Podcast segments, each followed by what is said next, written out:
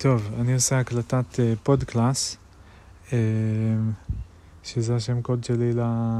למי שלא יודע, להקלטות שבהן אני קורא טקסט ומתייחס, I guess. אה, כן, נראה לי שכן. חשבתי להרחיב את זה אולי, כאילו יכול להיות שמתישהו אני ארחיב את זה גם ללא רק טקסטים, אבל בינתיים זה טקסט ומתייחס. טקסט ומתייחס זה גם שם טוב, פודקלאסט, טקסט ומתייחס. אז זה טקסט ששלח לי uh, חברי הטוב, איפתי, uh, טקסט ממגזין אלכסון, שזה מגזין פילוסופי אם אני לא טועה. אני זוכר, את ה... אני מכיר את השם הזה, אני... הנה כתוב, אלכסון הוא כתב עת דיגיטלי המפרסם מאמרים עבריים ומתורגמים בתחומי המדע, הפילוסופיה, התרבות והאומנות. מה יכול להיות יותר טוב מזה? נהדר. ויש לנו פה מאמר, כתוב בראש המאמר אה, שזמן קריאה משוער הוא 24 דקות. אנחנו, we're about to find out. אה, ושם המאמר הוא, האם כל זה רק במקרה? מאת אברום רותם. היקום, אה, וזה הכותרת הראשית, היקום, החיים, עצם הקיום שלנו ושל משהו, האם הם מימוש של כוונה? ואם כן, מה מקור הכוונה? אוקיי, יפה. כבר על ההתחלה אני אגיד את, את אה, עמדתי, כי יש לי עמדה בנושא הזה, אה, ו... ואז אני אמשיך בקריאה. אה, אז אני אגיד את עמדתי, כלומר, לפני הקריאה, ונראה אם היא משתנה במהלך הקריאה, או איפה היא פוגשת את, הכות... את עמדתו של הכותב. אז היקום, החיים, עצם הקיום שלנו ושל משהו, האם הם מימוש של כוונה, ואם כן, מה מקור הכוונה.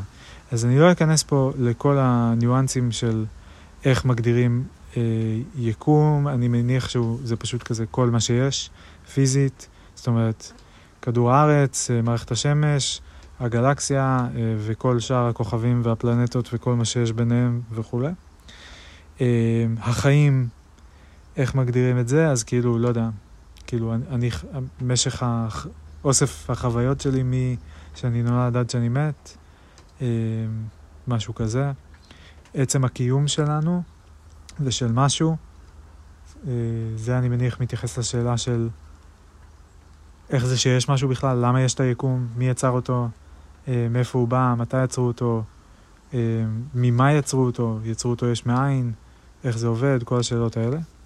האם הם מימוש של כוונה, ואם כן, מה מקור הכוונה?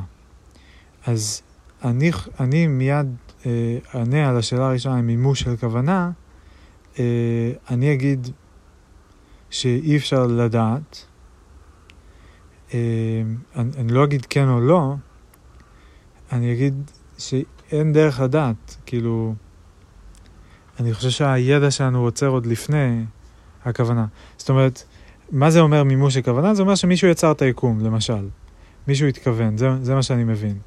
ממה שהוא כותב. אה, ואם כן, מה מקור הכוונה? זה אומר, אז מי זה המישהו הזה, ולמה הוא התכוון כשהוא יצר את זה? מה הוא ניסה ליצור? אה, האם הוא ניסה ליצור את מה שנוצר, או אם הוא אה, ניסה ליצור משהו קצת אחר, וזה מה שיצא לו?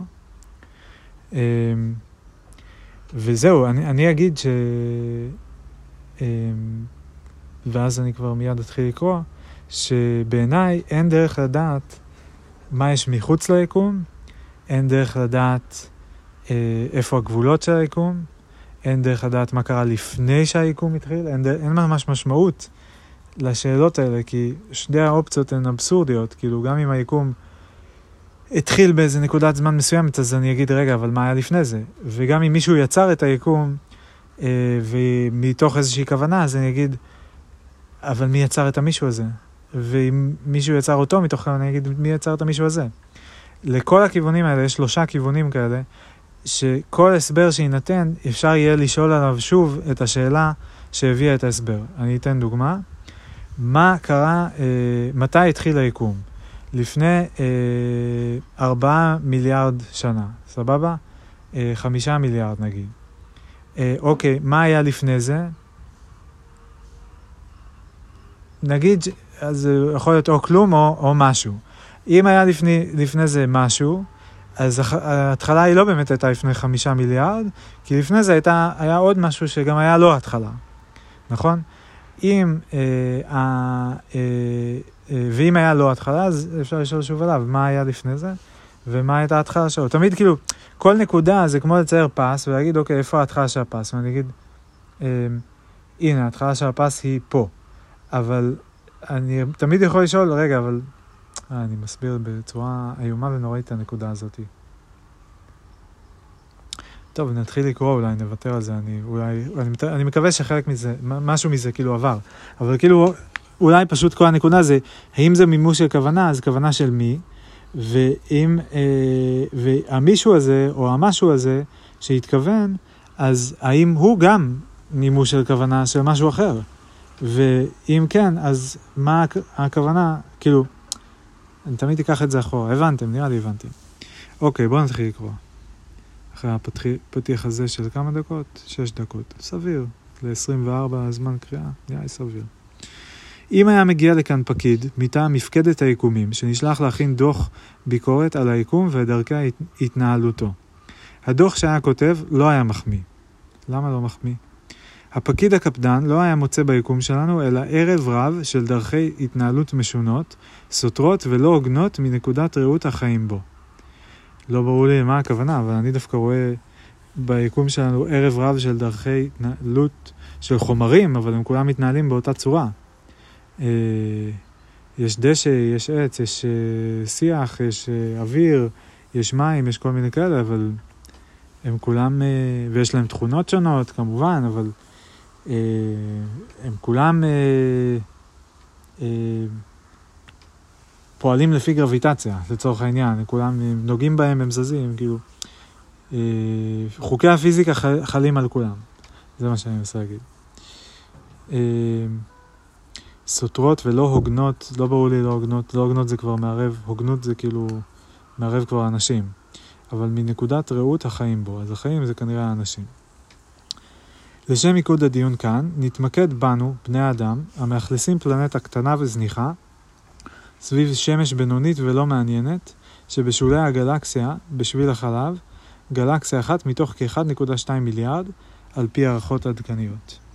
אין לנו מושג אם והיכן קיימים עוד כמונו או דומים לנו, שחושבים לפחות גם כמונו, לשם מה הם ואנו קיימים. עד כאן, אוקיי, נכון. אה, לא אהבתי שהוא מעליב את הפלנטה שלנו ואומר שהיא זניחה והשמש רק בינונית ולא מעניינת. לא יודע למה צריך להעליב. היא לא הכי גדולה, זה נכון, ואנחנו לא נמצאים בדיוק באמצע של... אה, של... האמת שכאילו, אנחנו, אין לנו בדיוק אה, נקודת ייחוס אבסולוטית להגדיר ממנה אמצע למשהו, או צדדים, או מסגרת, אין מסגרת, אז אנחנו לא באמצע ואנחנו לא בצד, אבל לא צריך להעליב בכל אופן. ככל שאנו מנסים להבין ולפענח את היקום, מתבררים לנו גודלו ומורכבותו. ויש בו, כך נראה לנו, תקלות והתנהלות תמוהה, שנראית בעינינו כמובן שגויה. אני לא מסכים עם זה, אני לא רואה שום תקלות. אני רואה רק אה, כאילו תקלות בהבנה שלנו את הדברים, ותקלות בהתנהלות של אנשים והמערכות שהם בונים ודברים כאלה, יש תקלות. תמיד יש גם תקלות במערכות, אבל ביקום, כאילו במערכות שמישהו בונה, שאמורות אמורות לעשות משהו, שיש להם כוונה. בדיוק, כן. כאילו תקלה זה במשהו שהוא באמת במערכת שיש בה כוונה, כי התקלה זה בעצם הפער בין ההתנהגות הרצויה, זו שהתכוונו, לבין ההתנהגות, ההתנהגות המצויה, זו שהיא בפועל. אבל לשיטתי, מכיוון שליקום אין כוונה או מתכוון, בטח שלא אף אחד שהצהיר על עצמו ככזה, אז, אה, אה, אז, אז לא יכול להיות בו תקלות, הוא פשוט, הוא עושה את מה שהוא עושה, כמו שהוא עושה, וככה זה... ו- וככה זה, אני לא יכול להגיד אפילו וככה זה אמור להיות, כי, כי אין משמעות לאמור הזה, אין אף אחד שיאמור אה, או יאמר או יאמור אותו, כאילו, אה, אין ממה לגזור את השוד, את החלק, ה, מה שנקרא, הנורמטיבי, של ככה זה טוב וככה זה לא טוב, שככה זה צריך להיות וככה זה לא צריך להיות. זה פשוט ככה וזהו, כאילו.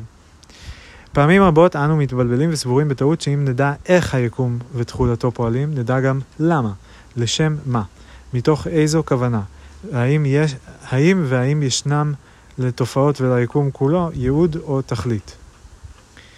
בואו נקרא את זה עוד פעם. פעמים רבות אנו מתבלבלים וסבורים, בטעות, שאם נדע איך היקום ותכולתו פועלים, כלומר את המכניקה כזה של הדברים, נדע גם למה, לשם מה, מתוך איזו כוונה, האם והאם ישנם לתופעות וליקום כולו ייעוד או תכלית. אוקיי, דבר בשם עצמך, אני לא מתבלבל בנושא הזה. אני מאוד אשמח לדעת איך היקום ותכולתו פועלים, אני ממש משקיע לא מעט אנרגיה וזמן מהשבוע שלי בזה, אה, אבל אין לי שום ציפייה לדעת למה. אין לי שום ציפייה לדעת למה, לשם מה, מתוך איזו כוונה. לא נכון להגיד שאין לי שום ציפייה, מדי פעם עוברת לי בראש איזו מחשבה של, hmm, אולי באמת זה, אולי זה כן ככה, אולי כן יש איזה משהו, אולי כן אה, זה, אבל, אה, אבל די מהר אני חוזר למה שאני מאמין בלב הרבה יותר שלם ו, וגם על בסיס אה, נתונים והבנה שלי את המציאות, כאילו באופן רחב יותר, אני מדבר באוויר קצת, סליחה. אה, אני אומר כזה, לא, זה לא, זה לא עובד ככה, כאילו, אין, אין למה. כאילו, בשביל שיהיה למה, צריך שמישהו יגיד, אני עשיתי את זה בשביל זה. אחרת אנחנו משע... ממציאים את הלמה, משערים למה, אי אפשר לדעת. אם אף אחד לא בא ואומר, אני עשיתי את המערכת הזאת בשביל, אני בניתי אוטו כדי שאנשים יוכלו לנסוע ממקום למקום. אה, סבבה, אם אני סתם מוצא אוטו, טוב, אם אני מוצא אוטו ואני רואה מה הוא יכול לעשות, אז אני, כאילו, ואני רואה שהוא עושה, שיש לו כפתורים מאוד מסוימים ויש לו שתי דוושות ואחת גורמת לו לזוז קדימה ואחת עוצרת אותו. אז נהיה די ברור שכאילו הדוושאות האלה או מיועדות או לפחות הן משפיעות בצורה מאוד מובהקת על משהו מאוד מסוים. וזה מרמז כאילו על זה שיצרו את זה בשביל המטרה הזאת. הסיבה שאני אומר כאילו זה כי את האוטו יצרו אנשים באמת עם המטרה הזאת, בשביל זה הם עשו את זה ככה, הם עשו את זה כי הם ראו שלבני אדם יש רגליים והם רוצים לשבת וכאילו הידיים שלהם יהיו תפוסות בהגה וכאילו הם מצאו איזה פתרון שמתאים ספציפית למבנה גוף האנושי שמאפשר לו לשול, לשלוט במכונה הזאת שהתפקיד שלה זה לנוע אה, בכביש. אה, אבל על היקום שהוא לא מכונה שעושה משהו, אין לו דוושות, אין לו כפתורים, כאילו, קצת קשה לדבר במובן הזה, של, כאילו, אין לו, אין לו, כן, אין לו ממשק, אין לו כפתורים, אין לו איזה משהו כזה שתזיז פה, ואז בדיוק פה ישתנה משהו, לא, לא במובן הזה. טוב, אני ממשיך. אנו, יצורים חיים בעלי בינה המאפשרת זאת, בוחנים את היקום באמצ... באמצעות התמחות לאורך הדורות, באופני החקר והחשיבה, שמתמקדים בהצלחה יחסית בתיאור האיך. יעני מדע, כלומר הצעות, הצעת הסברים לתופעות. למשל, קשת בענן. כיום נוכל להסביר במדויק איך תופעה זו מתרחשת על מרכיביה השונים, ואף לנבא מראש כיצד תיראה. אך אין לנו כל תשובה לשאלה למה. לשם מה מופיעה קשת בענן?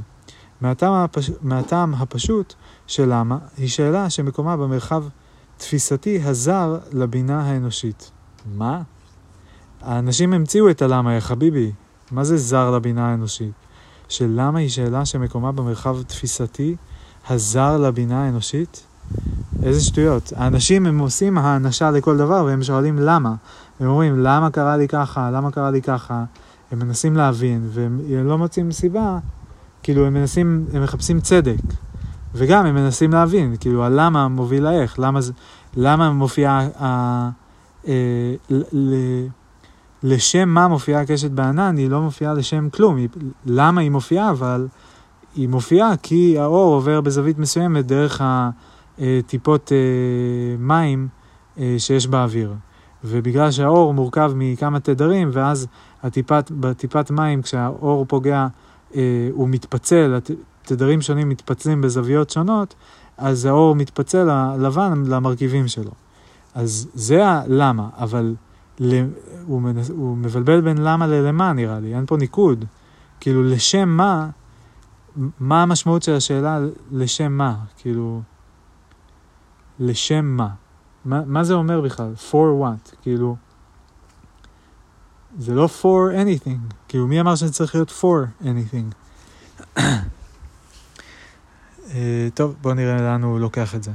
פעמים רבות אנו מתבלבלים וסבורים בטעות, שאם נדע, אוקיי, זה מה שקראנו, שאם נדע איך היקום ותכולתו פועלים, נדע גם למה, לשם מה, מתוך איזו כוונה, האם והאם ישנם, ישנם לתופעות וליקום כולו ייעוד או תכלית. יש פה תמונה של קשת בענן, קשת כפולה, וכתוב מתחת, הכל אפשר לחשב ולהבין את האיך, אבל למה? לשם מה הקשת בענן. אוקיי. בתשובות לשאלה מסוג, בתשובות לשאלה מסוג איך התקדמנו מאוד. למשל, בהסתמך על טובי הקוזמולוגים מן העבר הקרוב וההווה, אה, צברנו מידע משכנע שלפיו היקום שבו אנו חיים הגיח במפץ קמאי משום מקום ומשום זמן. לא מסכים איתך. אה, הגיח במפץ, סבבה, עד כאן אני מסכים. משום מקום ומשום זמן, איך הוכחתם שזה משום מקום ומשום זמן? מעניין אותי לשמוע. איך אתם יודעים? בדקתם? יש צילומים של שום מקום ושל שום זמן? יש מדידות של שום מקום ושום זמן? כתוב איפשהו, זה היה שום מקום ושום זמן? אז איך אתם יודעים? ממה הסקתם שזה שום מקום ושום זמן? מתוך הריק, הכלום, או אולי, ראו השערות נוספות, אה, היה קיים, או אולי, אה, סליחה, אני... צברנו מידע משכנע שלפיו היקום שבו אנו חיים מגיח במפץ קמאי משום מקום ומשום זמן, מתוך הריק, הכלום, או אולי היה קיים מאז ומעולם, הגיח מתוך יורה רותחת של יקומים אינספור, או נוצר מתוך התנגשות טיטנית של גושי אנרגיה. טוב, אתה סתם ממציא כאילו כל מיני תרחישים שאין שום דרך לבדוק אם הם קרו או לא. ובכל מקרה, גם אם הם קרו, אז עדיין אתה תשאל מאיפה הדברים האלה הגיחו, ואז גם עליהם לא יהיה ניתן לענות. אה, או נוצר מתוך התנגשות טיטנית של גושי אנרגיה, ודבר מה שאינו ידוע, ממברנות עצומות המתקיימות בארבעה ממדים, והכל בגישה האנושית המדעית החקרנית. מה, על מה אתה מדבר, ידידי? ידידי. אוקיי. אך הלמה היה נותר ויישאר תעלומה שאין לנו דרך לפתור אותה. אתה ממציא את התעלומה, חביבי, אתה המצאת את השאלה, זה לא הלמה, זה הלמה. הלמה זה, למה ואיך זה אותו דבר. אה, זה שקול. הלמה זה אתה, זה אתה פשוט, uh, you're causing trouble here. כאילו, מי, מי צריך למה? מה זה למה? מה זה השאלה למה? מה המשמעות של לשאול למה? מי אמר שצריך שזה יהיה למשהו? ולמה זה מעסיק אותך? סליחה. בוא נראה, יש פה גם לינקים. הגיח במפץ קמאי, אני גם בכלל לא יודע מה זה קמאי. קמ"א י. זה פשוט לינק למפץ הגדול בוויקיפדיה בעברית. אוקיי.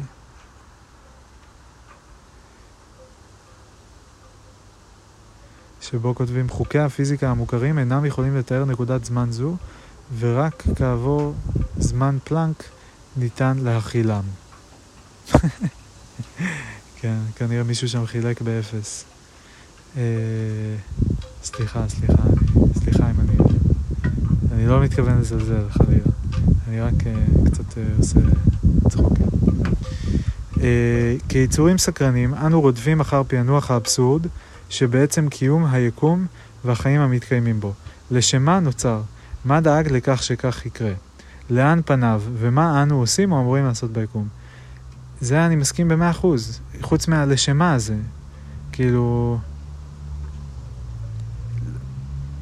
נניח שיצר אותו אלוהים, נניח שיצר אותו זן אחר של אנשים, נניח שזה סימולציה בתוך מחשב של זן אחר של חיים.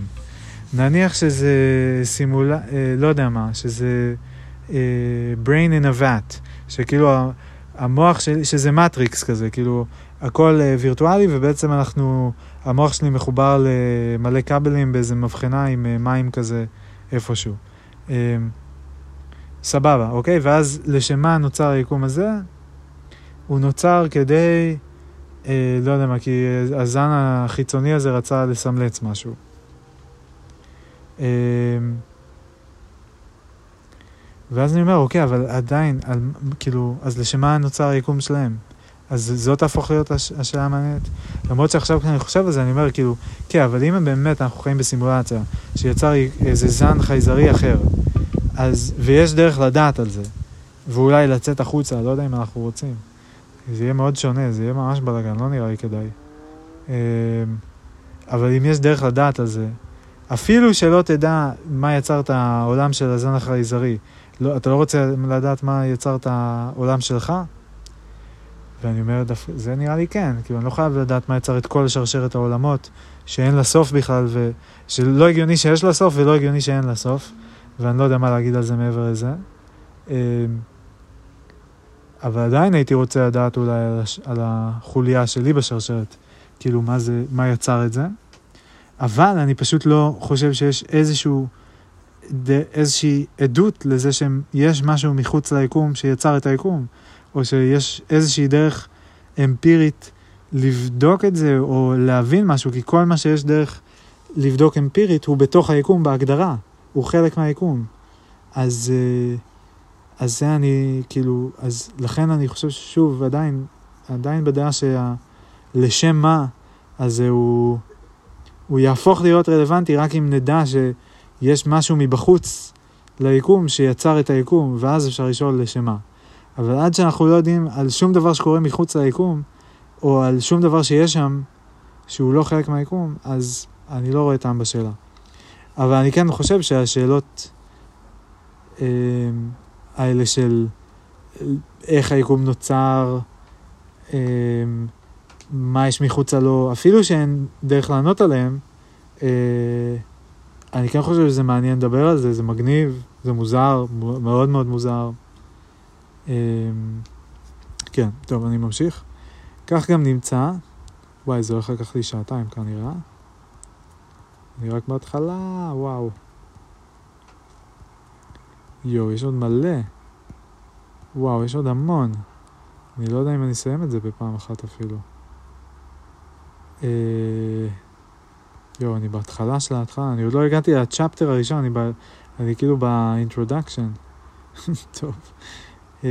כך גם נמצא שהתקוות שרבים תולים באיינשטיין עתידי, יחיד, יחיד או רבים, בפריצת דרך אינטלקטואלית שלא הייתה כמוה, עתידות להכזיב, אף אם נזכה בתיאוריית TOE, Theory of Everything, תיאוריית הכל, שתאחד את התיאוריות השונות בשדות המחקר השונים ותסביר את כל האיך.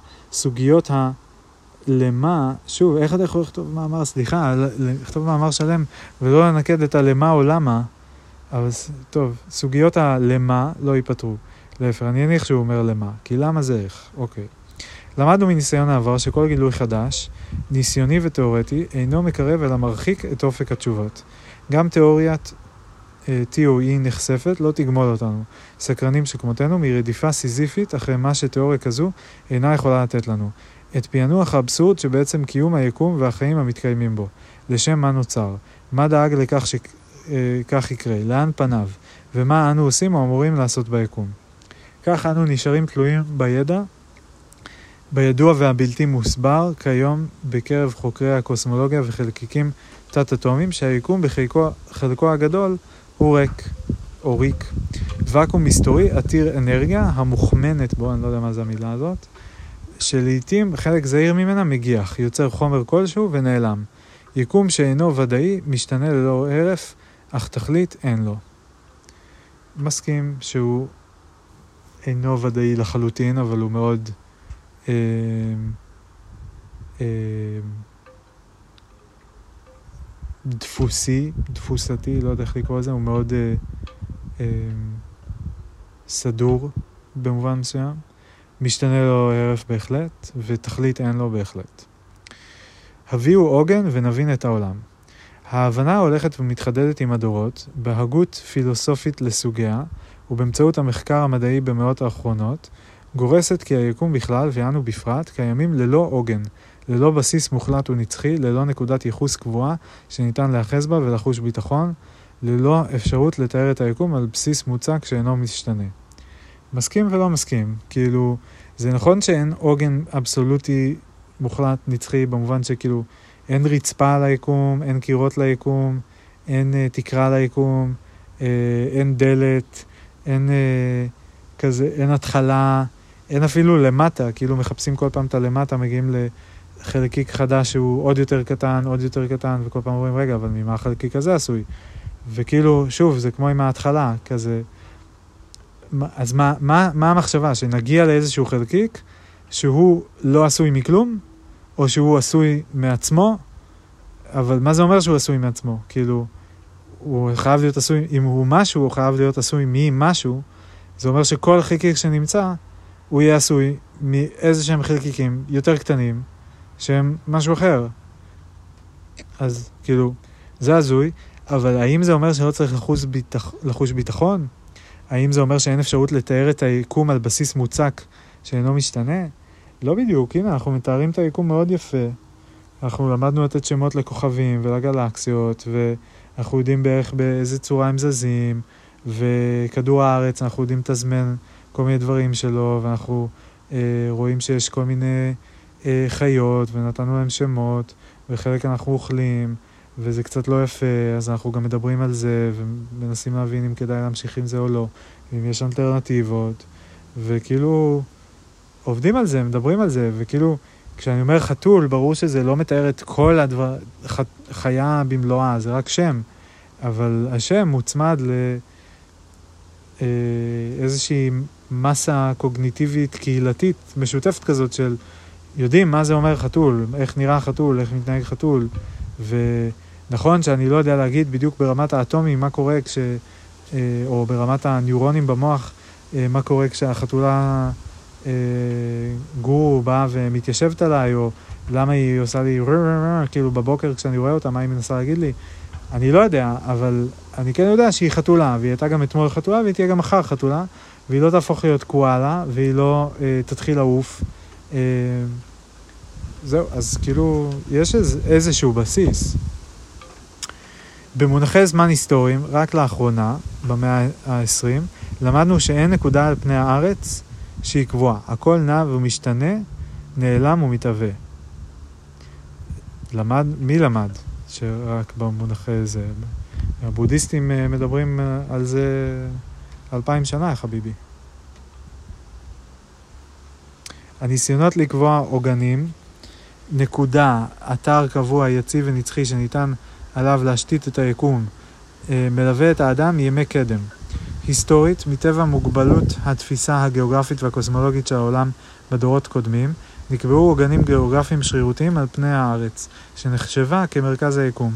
הדיווח העתיק הקיים כיום הוא לוח חימר אימגו מונדי מן המאה השביעית לפני הספירה, המציג את בבל במרכז דיסקטה גדולה ושטוחה שהיא העולם. מאוחר יותר נמצא את מרכז העולם בירושלים. ארץ ישראל יושבת באמצעיתו של עולם וירושלים באמצעיתה של ארץ ישראל.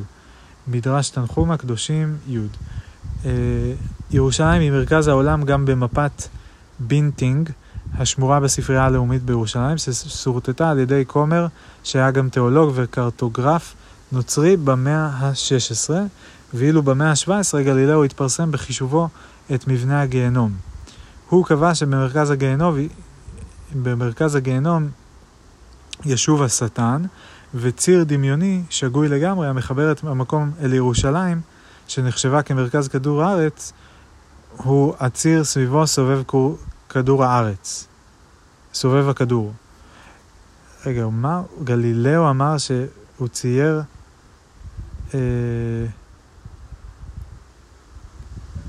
איפה הגיהנום נמצא? הוא, צייר, הוא אמר שהגיהנום נמצא ב, כאילו במרכז כדור הארץ, וציר מחבר בין המרכז הזה לירושלים, שהיא מרכז כדור הארץ. מה זה אומר מרכז של כדור?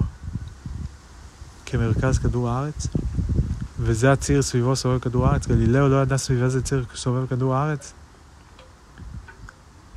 נשמע לי מוזר מאוד. בתרבויות אחרות, גלילאו שהתעסק בטלסקופים וכוכבים, והיה אחד מהאנשים שאמרו שיחד עם uh, קופרניקוס וטיכו ברכה ועוד אחד, מי יודע. זה, כאילו, זה לא היו אלה החבר'ה שאמרו שהיקום, כאילו השמש לא סובבת סביב כדור הארץ, אלא ההפך. אז הוא לא ידע את הציר של כדור הארץ? לא נראה לי, לא יודע, מוזר לי. בתרבויות אחרות לאורך הדורות, נקודת אמצע העולם נקבעה לרוב כמקום שבו חיו בני אותה תרבות, או באתר מקודש קרוב, כמרכז דסקה ענקית שצפה בחלל, או מונחת על גבי פילים ועוד צבים. גם היום ישנם עדיין המצדדים בתיאוריה שהארץ היא דיסקה שטוחה ואינה כדור, וטוענים שהקוטב הצפוני המגנטי הוא מרכז הדיסקה, אה, מרכז העולם שסביבו סובב הכל. במונחי זמן היסטוריים, רק לאחרונה, במאה ה-20, למדנו שאין נקודה על פני כדור הארץ שהיא קבועה. מה זה אומר נקודה על פני כדור הארץ שהיא קבועה?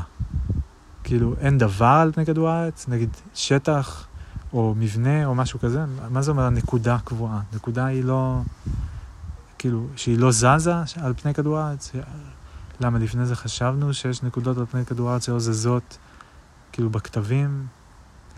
לא, לא, לא מבין, זה נשמע לי כאילו אמירה גם לא, מדויק, לא מדויקת.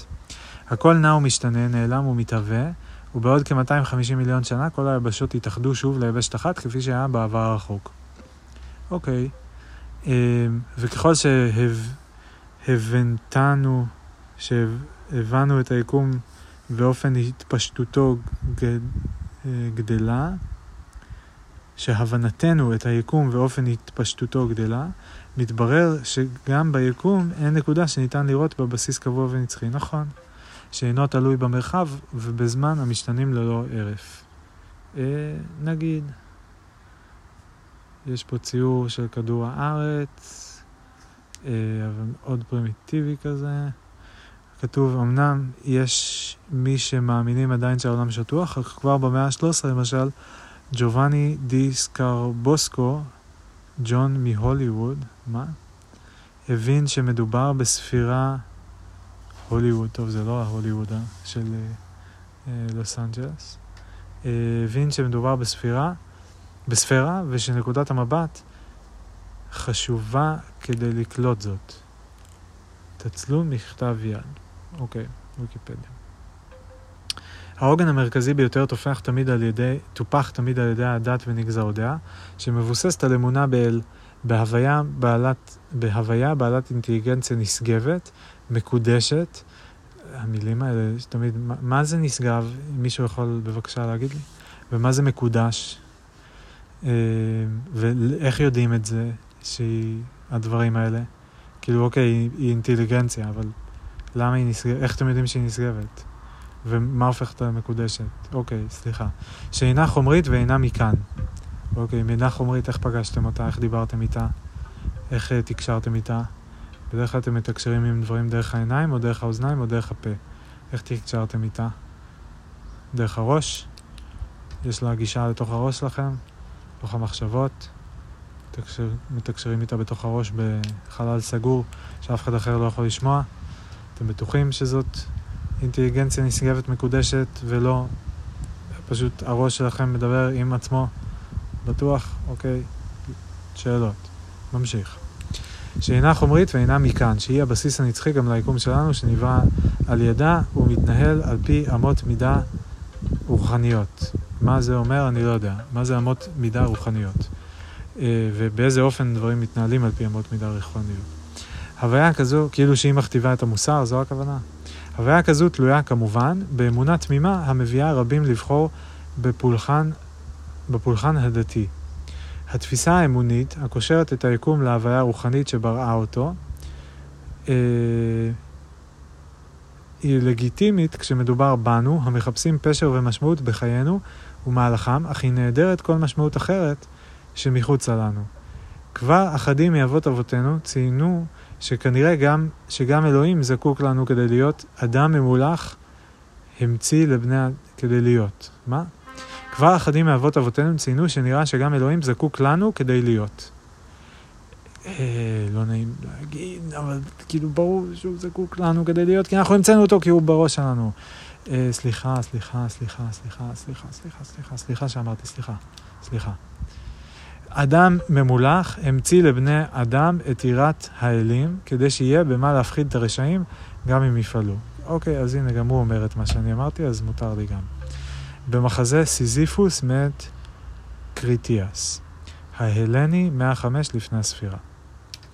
אה, אז אמרו את זה כבר פעם. אני שמח לשמוע, לא הייתי בטוח, סתם. התובנות, התובנות המדעיות העדכניות, התפתחות מתמטיקה מורכבת, שמסטיעת, לא הבנתי את המילה הזאת, במחשוב מתקדם, ומדידות וממצאים מטלסקופים בחלל, מרחיקים אותנו מכל עוגן אפשרי ומהמבנה של, מהבנה של ממש מהו היקום שבו אנו חיים. למגינת ליבם של רבים המאמינים שהחומר הוא מקור היקום ודרכי התנהלותו, התובנות למגינת ליבם, מה זה אומר? של רבים המאמינים שהחומר הוא מקור היקום ודרכי התנהלותו, התובנות המדעיות עדכניות, התפתחות מתמטיקה מורכבת שמסטיעת, מה זה מסטיעת? ואיך זה שמסטיעה? שמסתיימת, מסתייעת, אה, שמסתייעת במחשוב מתקדם, חסר שם י', אה, במחשוב מתקדם ומדידות וממצאים מטלסקופים בחלל מרחיקים אותנו מכל עוגן אפשרי ומהבנה של ממש מהו היקום שבו אנו חיים. לא הבנתי.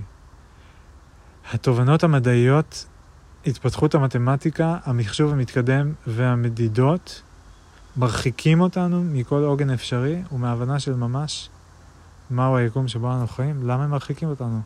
הם מקרבים אותנו. לא, אולי לא לעוגן אה, אבסולוטי, לא יודע, אולי, אולי גם באיזשהו שלב כן, ב, אבל אה, בטח שלא מהבנה של, כאילו, זה מה שבונה לנו את ההבנה של היקום. מול האופטימיות של מדענים שסברו כי הנה הנה אנו מוצאים תיאור מתמטי פיזיקלי מופלא של היקום כולו, נדמה שהיקום עצמו לועג לא לנו. הסיבוך המתמטי שהפך סוגיות אלה לעיסוקם, עכשיו הוא יגיד uh, קוונטי, אני יודע שהוא יגיד, כבר ראיתי גם את המילה, שהפך סוגיות אלה לעיסוקם של מומחים מעטים, כמו, בסוגריים, כמו תיאוריות לולאות כבידה קוונטית, תורת המיתרים העדכנית ונגזרות ממנה, מנגיש לנו אין ספור אפשרויות, ובעצם אף לא אחת, המתארות את המצע שעליו נשען היקום המוכר שלנו. יותר ויותר נשמע על מומחים שהתמחו בתיאור האיך האנרגיה והחומר פועלים ומפעילים, בתיאור תאורטי בכלים מתמטיים מעוררי השתאות, מודים שאף הם נסחפים בניגוד לתפיסתם אל עבר תיאוריות משונות מטאפיזיות בדבר משהו שעומד, ב... שעומד ומתכוון בבסיס תופעות אלה. למשל, בהרצאה Science, Reason and Faith של קרלוס אה, פרס גרסיה מן המחלקה לפיזיקה אוניברסיטת נווארה, או בספרו המרתק של התיאורטיקן והקוסמולוג לורנס קראוס, A Universe from Nothing. אוקיי, okay, אני לא כאילו חושב שזה שיש מדענים מסוימים שהחליטו ש... כאילו מדענים, אוקיי, okay, שבחרו כן, שהם נסחפים בניגוד לתפיסתם אל עבר תיאוריות משונות במטאפיזיות. אני מסכים, לא יודע, מדענים ממציאים הרבה שטויות גם. אה, אני לא מבין אם הוא מנסה להגיד שכאילו אפילו המדענים עכשיו אה, אומרים שנראה שיש משהו שגורם לדברים לקרות, שמתכוון בבסיס התופעות האלה. כי זה, אני כזה, אוקיי, זה אולי חלק מהמדענים, לא... בסדר, לא כולם. אה, אפילו הזמן אינו עוגן קבוע ונצחי.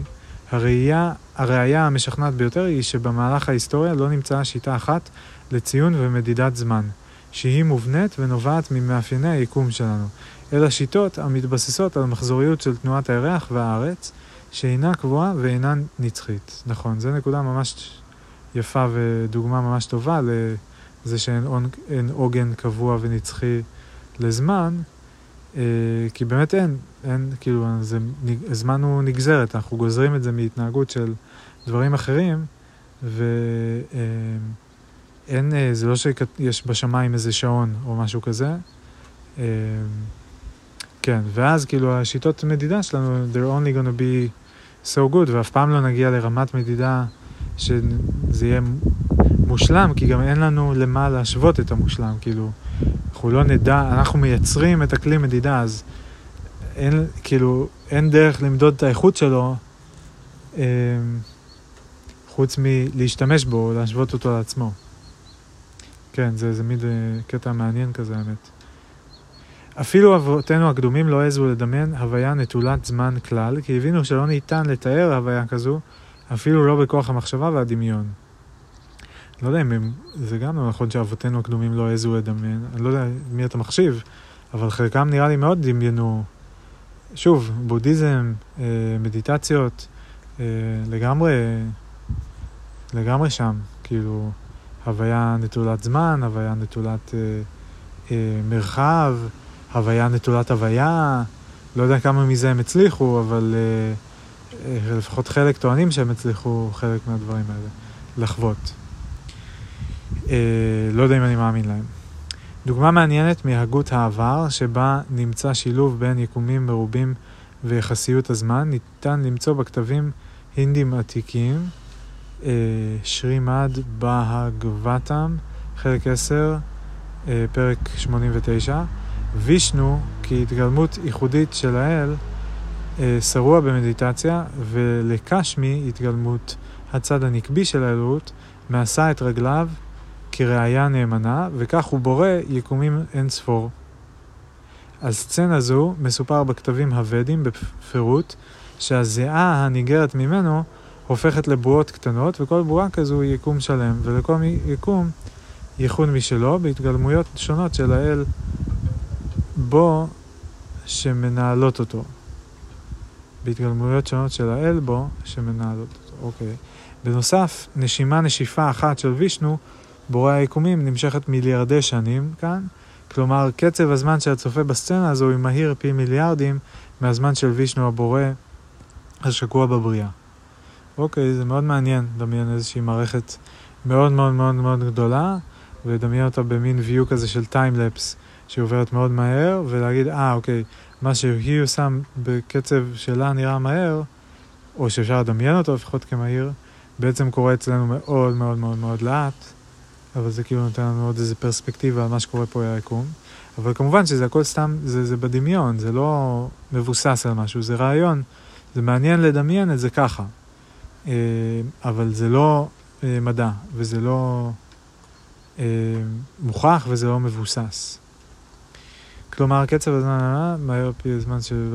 בעינינו נראה הזמן אצל וישנו כנצח, אך לא כנטול זמן. אפילו... אבל שנינו הקדומים לא העזו לדמיין, אבל היה נטולת זמן כלל, כי הבינו שלא ניתן לתאר הוויה כזו, אפילו לא בכוח המחשבה והדמיון. אני מסכים שגם לי קשה מאוד לדמיין מה זה אומר הוויה נטולת מקום או זמן, כי כאילו, בשביל שתהיה הוויה צריך להיות בה משהו. ואם יש משהו, אז הוא צריך להיות איפשהו. ואם יש, הדבר הזה הוא לא סטטי, זאת אומרת, אם זה לא אותו המשהו כל הזמן בדיוק, אז הוא צריך להשתנות. ואז אה, ברגע שיש השתנות, אז זמן זה פשוט היחידת מדידה שקובעת את הקצב של הדברים, או את ה... זה משהו שנובע מההשתנות. כאילו, אם, אם משהו משתנה, הוא משתנה, אנחנו אומרים, לאורך זמן. אה, טוב, יש פה תמונה של וישנו, ציור יפהפה, הודי, האל ההודי וישנו, כל טיפת זהה שלו היא ספירה, יקום שלם שנברא ונשלט על ידי התגלמויותם של האל הבורא. אוקיי. יש עוד הרבה. כמה זמן זה ייקח? אני מקווה שלא, וואו. אם נימנע ממלכודות פילוסופיות, השערות ודמיון ומגוון אמונות על קיום מהות הוויה כמו האל, שעומד מאחורי בריאת היקום ומאפייני התנהלותו, נבחן לצידם כיוון מחשבה אחר, ולכאורה ברור מאליו.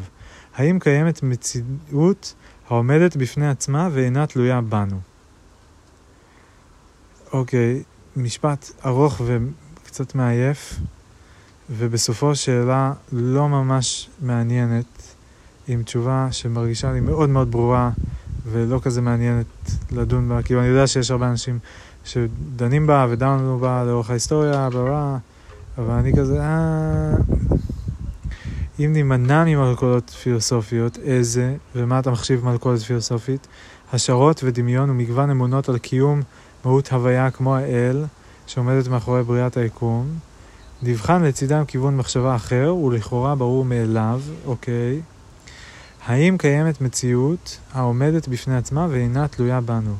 כן, כן, כמובן שכן. מי זה בנו? בני אדם שנוצרו רק כעבור אה, כמה?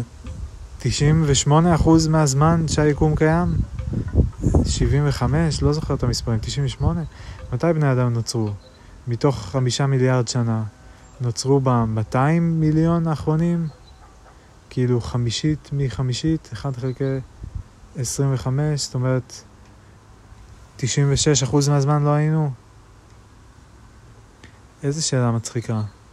או עכשיו, כאילו, אני לא רואה מה יש מעבר לעץ, אז הוא לא מתקיים? מה, נו. אוקיי. הסתר הפנים, אנו יוצרים בבואה של היקום. זה הכותרת של הסקשן הבא. ייתכן שהביקורת הנוקבת שאנו מותחים על היקום אינה מוצדקת, שכן אנו שופטים אותו על פי הצהר, הצוהר, שהוא המוח הלכוד בראשנו, והחושים המזינים אותו במידע. זה שבאמצעותו אנו רואים וחובבים את הסובב אותנו.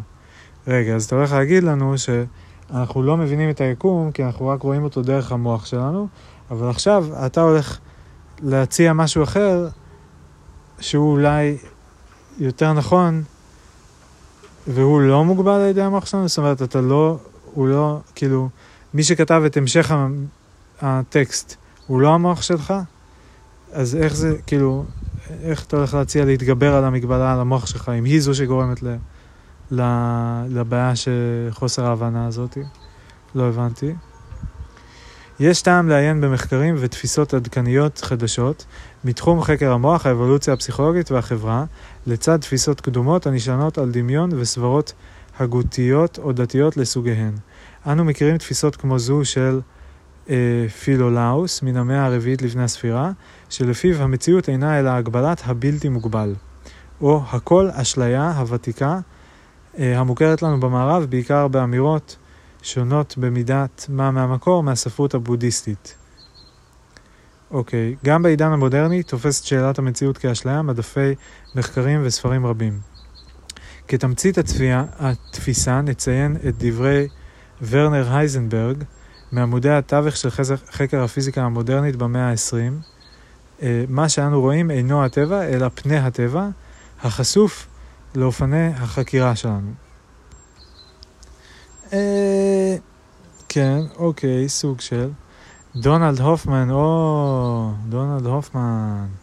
או, בוא נשמע מה יש לדונלד הופמן להגיד. סתם, סליחה. פעם הוא מאוד העליב אותי, ואז אה, הרגשתי שקצת הוא מעלה רעיונות ססגוניים ואין יותר מדי מה לעשות עם זה.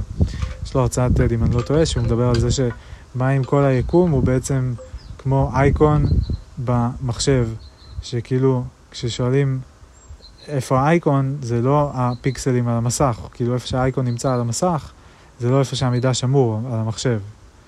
אמ, וזה מטאפורה מאוד יפה, כאילו זה לקחת את כל היקום ולהגיד מה אם זה כמו מסך ומחשב, אבל אין לזה שום עדות ואין שום סיבה לחשוב ככה. זה לא שאני נמצא באיזשהו מקום מרוחק מהדבר הזה ואני יכול לראות שהחישוב של הדבר קורה במקום אחד והתמונה קורית במקום אחר. אה, לא יודע, בוא נמשיך. דונלד הולפמן מאוניברסיטת קליפורניה, מדען בולט בחקר הקוגניציה, מראה גם באמצעות סימולציות מחשביות שהתפיסה האנושית של המציאות היא אשליה. מה זה אשליה? היא לא מדויקת ב-100% ואם אתה תמצא, אה, כאילו, ואתה תמיד יכול לראות שיש עוד משהו שהיא מחסירה. אבל מה זה אומר שהיא אשליה? היא לא אשליה, אני רואה פה חתול, יש פה חתול. אני יכול ללכת לנסות לרדוף אחריו והוא יברח. ויש פה חתולה אחרת שיושבת כאן, שאני יכול לגשת אליה ולהרים אותה והיא לא תברח. מה האשליה בזה? אני לא מבין. אני שם לה אוכל, היא אוכלת, האוכל נעלם. מה האשליה? זה שטויות. הוא גם אני זוכר, הוא בדק איזה משהו שהוא עשה סימולציות במחשב, והוא עשה אייג'נטס uh, שרואים את המציאות כמו שהיא, וכאלה שרואים אותה בפער, והוא גילה שאלה עם הפער, הם uh, uh, שורדים יותר טוב. אבל הוא עשה את זה במחשב בסימולציה. זה סימולציה במחשב. אתה כתבת אוסף של תוכנות, ונתת להם לרוץ, להעביר מידע בין אחת לשנייה, ודימית את זה לכל היקום ולכל הבני אדם. אנחנו לא תוכנות, זה לא, זה לא תופס בעיניי. The evolutionary argument against reality, כן, אני מכיר את העניין שלו.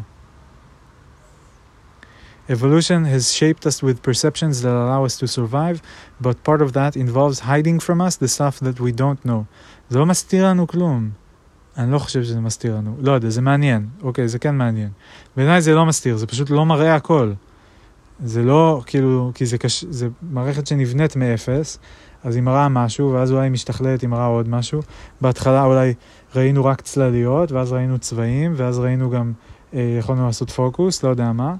אבל זה לא שזה הסתיר מאיתנו את הצבע לפני כן, זה פשוט לא הראה לנו עדיין צבע. לדעתי, אני לא חושב שיש באבולוציה דברים שהם ממש כזה מוסתרים בכוונה, וכזה, עדיף שלא תדעו. מאוד מאוד מאוד מסכן אותי אם יש כאלה דוגמאות קונקרטיות, לא מדומיינות. אה, אם כן, מעניין מאוד, אשמח לדעת. טוב, אני חוזר ל... זה אני לחצתי על הלינק של דונלד, אני חוזר למאמר, יש לו עוד הרבה מאוד. בואו נראה מה הוא כותב. חוויות תפיסתיות אינן תואמות למאפיינים של העולם האובייקטיבי. שטויות. אלא מספקות ממשק משתמש פשוט, נכון, שתואם את העולם, אחרת זה לא היה עובד. ספציפי לנו לתפוס את העולם הזה, נכון. האבולוציה עצמה ממקסמת את הכושר האבולוציוני על ידי הרחקת תפיסתנו מהמציאות האמיתית, שטויות, ובעצם ממדרת אותנו מפניה, שטויות. לא היא לא, היא מייצרת לנו כלים, סנסורים, שמאפשרים לנו לחוש את המציאות ולהתנהל בתוכה. בגלל זה יש לי גם עיניים וגם אוזניים וגם פה וגם אה, יכולת לחוש טמפרטורה ולחץ וכאב וכל מיני דברים כאלה. אין לי עדיין יכולת רנטגן. אוקיי, זה לא שהיא מסתירה ממני את אה, הרוחב פס הזה בשדה האלקטרומגנטית, היא פשוט עוד לא פיתחה לי את ה... אה, אה, שתדע לקלוט את זה. זה לא אותו דבר, זה ממש מבלבל ולא נכון להגיד שהיא ממדרת אותנו.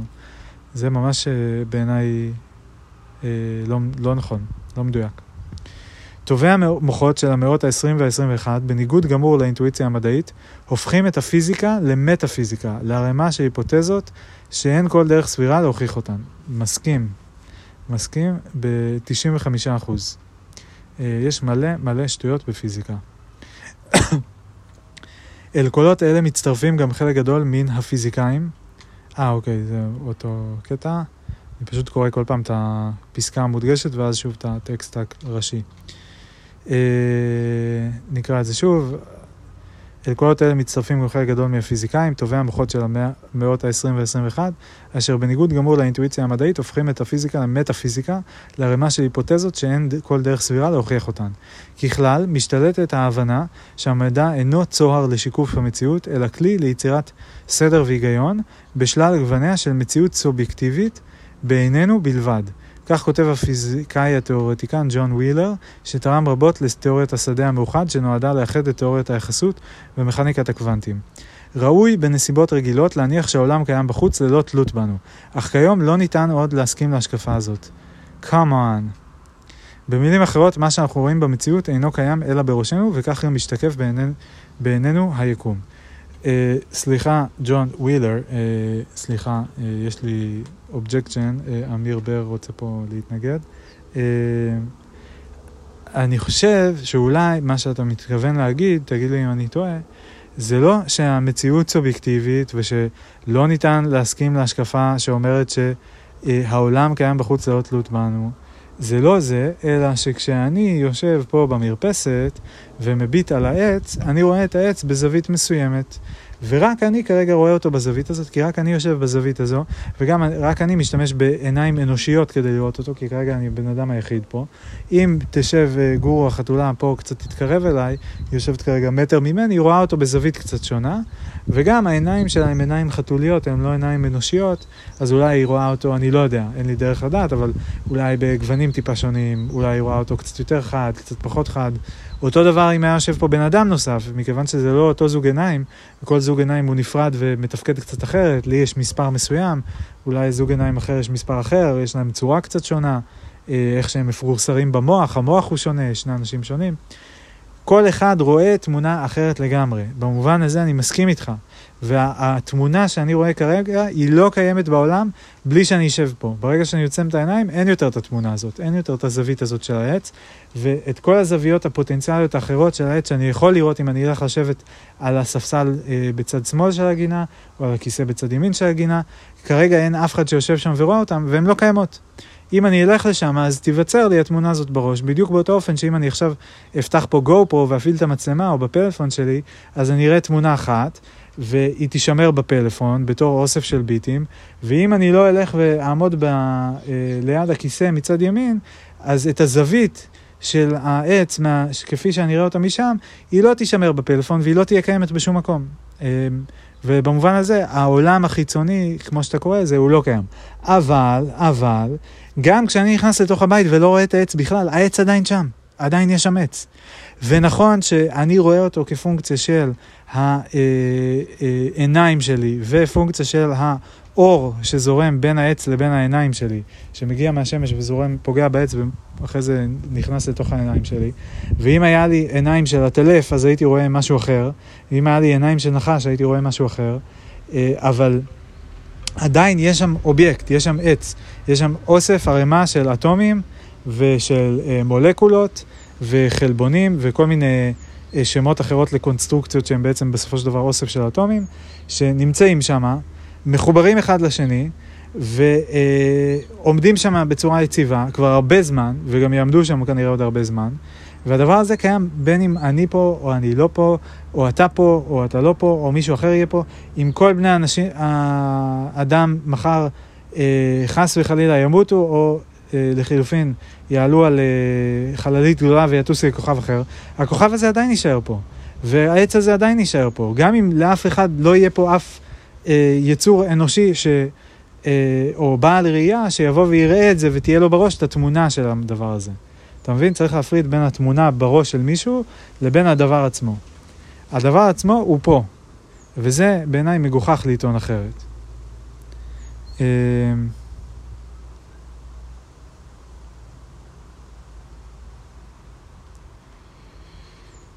כן. טוב, אני ממשיך. יש פה תמונה של גלקסיית קרטוויל, קרטווייל, כפי שנקלטה בטלסקופ ג'יימס ווב. המחשבות ותוצרי הדמיון שלנו נובעים ממרחב עצום, מיליארד תאי עצב של אפשרויות פרשנות ודמיון, המאפשר בריאה של מציאות משכנעת שאנו חווים. נכון, בערך. אה, עיצוב מציאות מדומיינת בראשנו מתאפשר הודות למתנה שהיקום העניק לנו, המספר העצום של תאי העצב במוח האנושי, קצת פחות ממיליארד, ויש הקושרים זאת ללא סיבה משכנעת, מסכים איתך גם, אבל אני יודע מה אתה הולך להגיד, למספר קרוב של גלקסיות ברחבי היקום, בטענה שהיקום הוא הוויה חושבת, שטויות, זה שזה אותו מספר של דברים, זה לא אומר שיש לזה אותה התנהגות. אה, מיליארד תאים אנושיים הם לא אותו הדבר כמו מיליארד גרגירי חול. הם לא אותו דבר. מיליארד תפוחים הם לא אותו הדבר כמו אה, מיליארד, אה, לא יודע מה, בובות של ספונג'בוב. זה מיליארד, זה מיליארד, זה לא אותו דבר. שני, זה פשוט אותה כמות. זה לא שייך. לא צריך לקשור. אה, כך ניתן לשער שהמחשבות ותוצרי הדמיון שלנו נובעים ממרחב עצום. מה זה כך ניתן לשער? בגלל שיש לנו הרבה תאים? אוקיי, כאילו, לא יודע. גם לפטריה יש כנראה מיליארדי תאים, לא תאי החשיבה, אין לה מוח, אבל אוקיי, נגיד. אה, גם לחיות יש מיליארדי תאים, לא חושב שיש להם רובם מחשבות ודמיון כמו שלנו. אבל אוקיי, נגיד. אפשרויות פרשנות ודמיון מאפשר בריאה של מציאות משכנעת שאנו חווים, ונראה שהיא כמעט בלתי מוגבלת, לא נכון, בכושר ההמצאה וגילום מציאות סובייקטיבית אישית.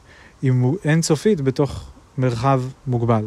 כאילו, זה כמו שהמספרים, כאילו, אה, זה מרחב מוגבל, אבל הוא אינסופי. מה הכוונה?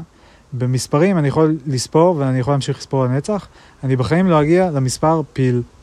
אני בחיים לא ארגיע אה, למספר פתח תקווה, כי זה פשוט לא בתוך הטווח הזה, זה לא בתוך המסגרת הזאת. אבל אני גם לא אגיע לסוף, תמיד יהיה עוד מספר, אבל הוא אף פעם לא יהיה פיל או פתח תקווה. מאוד חשוב שנהיה מיושרים ביום הזה. כך הפער בין המציאות המשתקפת בעינינו לבין המציאות כפי שהיא, האמיתית, אם יש כזו, נראה בלתי ניתן לגישור. לא נכון.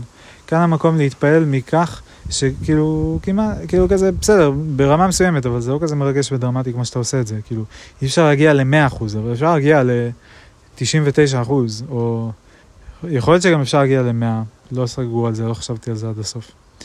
אה, אי אפשר 100, 100, 100, כי האובייקט, כאילו הסנסור, הוא צריך יהיה לקלוט גם את עצמו, ואז זה נכנס שם ללופים כאלה אה, רקורסיביים, וזה קצת בלאגן, אבל אפשר לקלוט הרבה דברים, כאילו, וכמעט את כל מה שיש לקלוט, נראה לי. אה, אבל מצד שני גם אי אפשר לדעת, אי אפשר לדעת אם אין עוד, עוד איזה תווך שמשפיע באיזשהו אופן שעוד לא הבנו. כן, לא משנה, זה התפלספויות. כאן המקום להתפעל מכך שגם בהגות קדמוננו נמצא טענות דומות. זה שיש את זה בהגות קדמוננו, זה לא בהכרח אומר להתפעל זה, מזה, אבל אוקיי. גם אם ללא נימוקים מדעיים שלא היו בזמנם. ביהדות אנו מכירים את המושג הסתר פנים, ובתפיסה הרוחנית דתית לסוגיה, מקובל לקבוע בכל התרבויות שאל לו לאדם לראות את פני האל. ראו Will We See God's Face, מאמר של ג'ון מקארת'ר, מרצה באקדמיה ומנהיג דתי בקליפורניה. בשפה חילונית נוכל לומר שלא ניתן לחזות בפני המציאות כפי שהיא, אה, כפי שהיא. שוב, לא מסכים עם זה לגמרי, זה לא, לא ניסוח אה, מדויק והגון בעיניי. בוא נגיד שאפשר, יש, יש יותר, כאילו, גם אם לא ניתן לפנו, לחזות בה בפני המציאות כפי שהיא, ניתן לחזות בה בצורה יותר מלאה ממה שמתואר אה, אה, במאמר ושהמאמר כאילו מכיר בו. בספר שמות מתואר משה המבקש לראות את פני האל, אך האל מסרב ללא נימוק, אה, מסרב ללא נימוק. כדי לרצות את משה, הוא מאפשר לו לראות את אחוריו. וואלה. שמות ל"ג 23. והסרתי את כפי וראית את אחוריי ופניי לא יראו. כך נמצא גם אה, בכתב ההינדי בהגבד גיתא, פרק 11, שבו ארג'ונה, לוחם בשר ודם, מפציר באל קרישנה, המתגלם כרכב המרכבה שלו, שיועיל להראות את פני האלוהיות האמיתיות, את פניו האלוהיות האמיתיות. קרישנה מתרצה, אך מהתל בו. אף לצורך כך הוא מצייד את ארג'ונה בעין רוחנית מיוחדת. הזכייה בחיזיון של פני האל מתבררת כטעות שיש להתחרט עליה. ארג'ונה חוזה במחזה מבעית הדגמה חזותית של סופיות כל האדם וכל חי. אני הזמן, מחריב היקום, מחויב כאן למיגור העולמות. פרק 11, פסוק 32, אומר האל בחיזיון זה, אך אין לו קשר לראיית פני האל האמיתיים, אלא לתובנה שאין אפשרות ומשמעות לראות את פני האל. כן. זה מעניין הקטע הזה של להגיד שכאילו אם נראה את פני, שלא כדאי לראות את פני האל, שזה יהיה מפחיד מדי, זה מין איזה מסר אנטי לימודי כזה, אנטי מחקרי כזה, אנטי סקרנית, סקרנות כזה, כאילו, לא כדאי לכם לדעת, זה יזעזע אתכם, אתם לא רוצים לדעת. אמ, כן, זה מורכב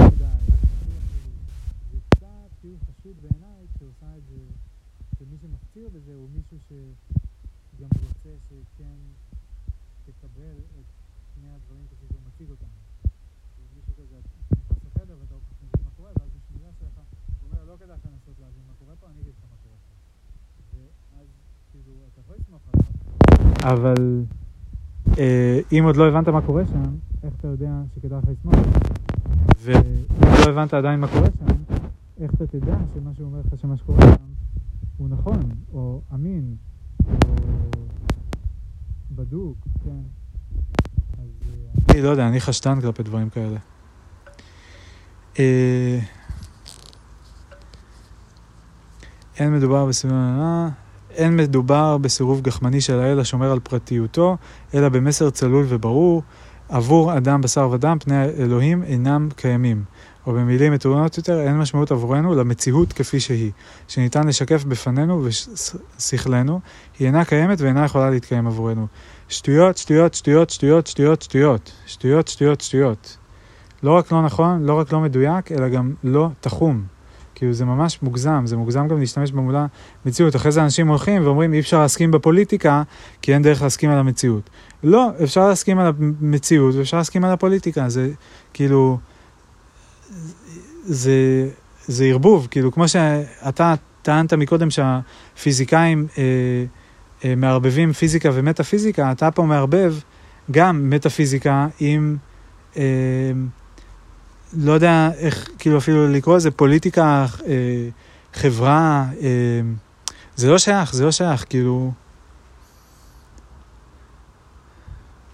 זה דבר, זה מחשבה מאוד לא טובה ומסוכנת בעיניי, ומאוד לא בריאה לחברה, שאנשים יסתובבו עם מחשבה, אה, אה, אין משמעות למציאות כפי שהיא, או שאין דבר כזה מציאות אובייקטיבית, או שאין דבר כזה אמת. כי ב- בוודאי שיש, זה הבסיס לקיום שלנו, וזה הבסיס לחברה, הבסיס לחברה אה, ולאומה ולכל פועל אנושי שבנוי על שיתוף פעולה הוא הסכמה. והסכמה על מה? על מודל של המציאות, על תפיסת מציאות. אז כאילו אם מערערים את הדבר הזה, זה מערער את כל היסודות של החברה, וזה לא כדאי לדעתי, לא רעיון טוב. כך גם תיאורים של פני האל וגילום צורני שלו בדמויות מיסטיות שונות נתפסים כדימוי פרשני גם במיסטיקה היהודית. למשל בתלמוד הבבלי, מסכת חגיגה, בספר הזוהר, שבו פני האל בהתגלמויות שונות מכונים דיוקנאות, אידרא רבא ובאידרא זוטא, ובהמשך, על פי קבלת הארי, ספירת האצילות כוללת י"ב פרצופים עיקריים לצד משניים. להוציא אזוטריה זניחה, ישנה הסכמה בין הפרשנים שפנים אלו, דיוקנאות, פרצופים, הם דימויים, פרשנות של סמלים רוחניים ולא פנים חומריות. קשה לי, טוב, כאילו, זה מעניין המחשבה של, לא יודע, שגם אלוהים אמר שזה הבקן, זה האחורה שלי, אני לא מראה לך את הקדימה שלי. אה, זה מעניין לחשוב על כל היקום בתור, אה, דווקא אם הוא סימולציה, אז הוא ה front-end, הוא לא ה backend, אנחנו לא יכולים, אנחנו רואים את פני אלוהים. ולא את המאחורה שלו. אם נראה את המאחורה שלו, אה, אם אנחנו חיים בסימולציה, אז נראה שהוא סתם מחשב. אה, אז זה בעיניי הפוך מ... כאילו, זה הפוך, אם כבר אנחנו רואים את הקדימה שלו ולא את האחורה שלו. אה, וזה שהם כבר מתחילים להגיד שיש לו כמה פרצופים וזה, אני לא יודע מה להגיד על זה. זה כאילו לשיטתם, זה בתוך אמונתם, אין לי מה להיכנס לזה. כאילו, זה... מבוסס על תפיסה שונה משלי וחבל סתם לריב איתה. לשם מה היקום מאפשר חיים? הקוזמולוג לורנס קראוס, שעסק בהנגשת המדע לכל, לכל וכתב בין השאר ספרים פופולריים רבים, אה, רבי מכר, בנושאים אלו, הקים באוניברסיטת אריזונה את המיזם הבינתחומי, מיזם בין כוכבי, כדי לחקור שאלות יסוד על היקום. אני גם מוריד פה. כן.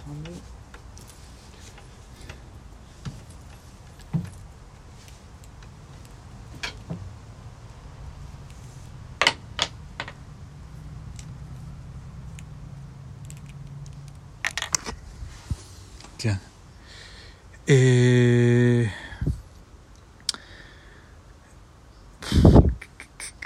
לורנס קראוס, אה, ספרים פופולריים, רבי מכר, הקים באוניברסיטת אריזונה את המיזם הבינתחומי, מיזם בין כחובי. בדיוק שמעתי על אוניברסיטת אריזונה, שהם פארטי יוניברסיטי, כדי לחקור, נדמה לי שזה, כאילו זה היה על אריזונה, נראה לי זה היה על אוניברסיטת אריזונה, בטח יש כמה עם השם אריזונה, באריזונה. כדי לחקור שאלות יסוד על היקום ולשנות בכך את הדרך האקדמית המסורתית ללמידת חקר רב-תחומית. אוקיי, אוקיי. אה, הוא גיבש צוות של ביולוגים וכימאים שיבחן את מקור החיים. מגניב, אמן שיצליח. קראוס כתב שהוא מקווה שגם תחום עיסוקו בקוזמולוגיה ובפיזיקה תאורטית יתרום לשחזור ופענוח מקור החיים באמצעות פענוח האבולוציה הכימית של חומרים שונים שהביאה לחיים.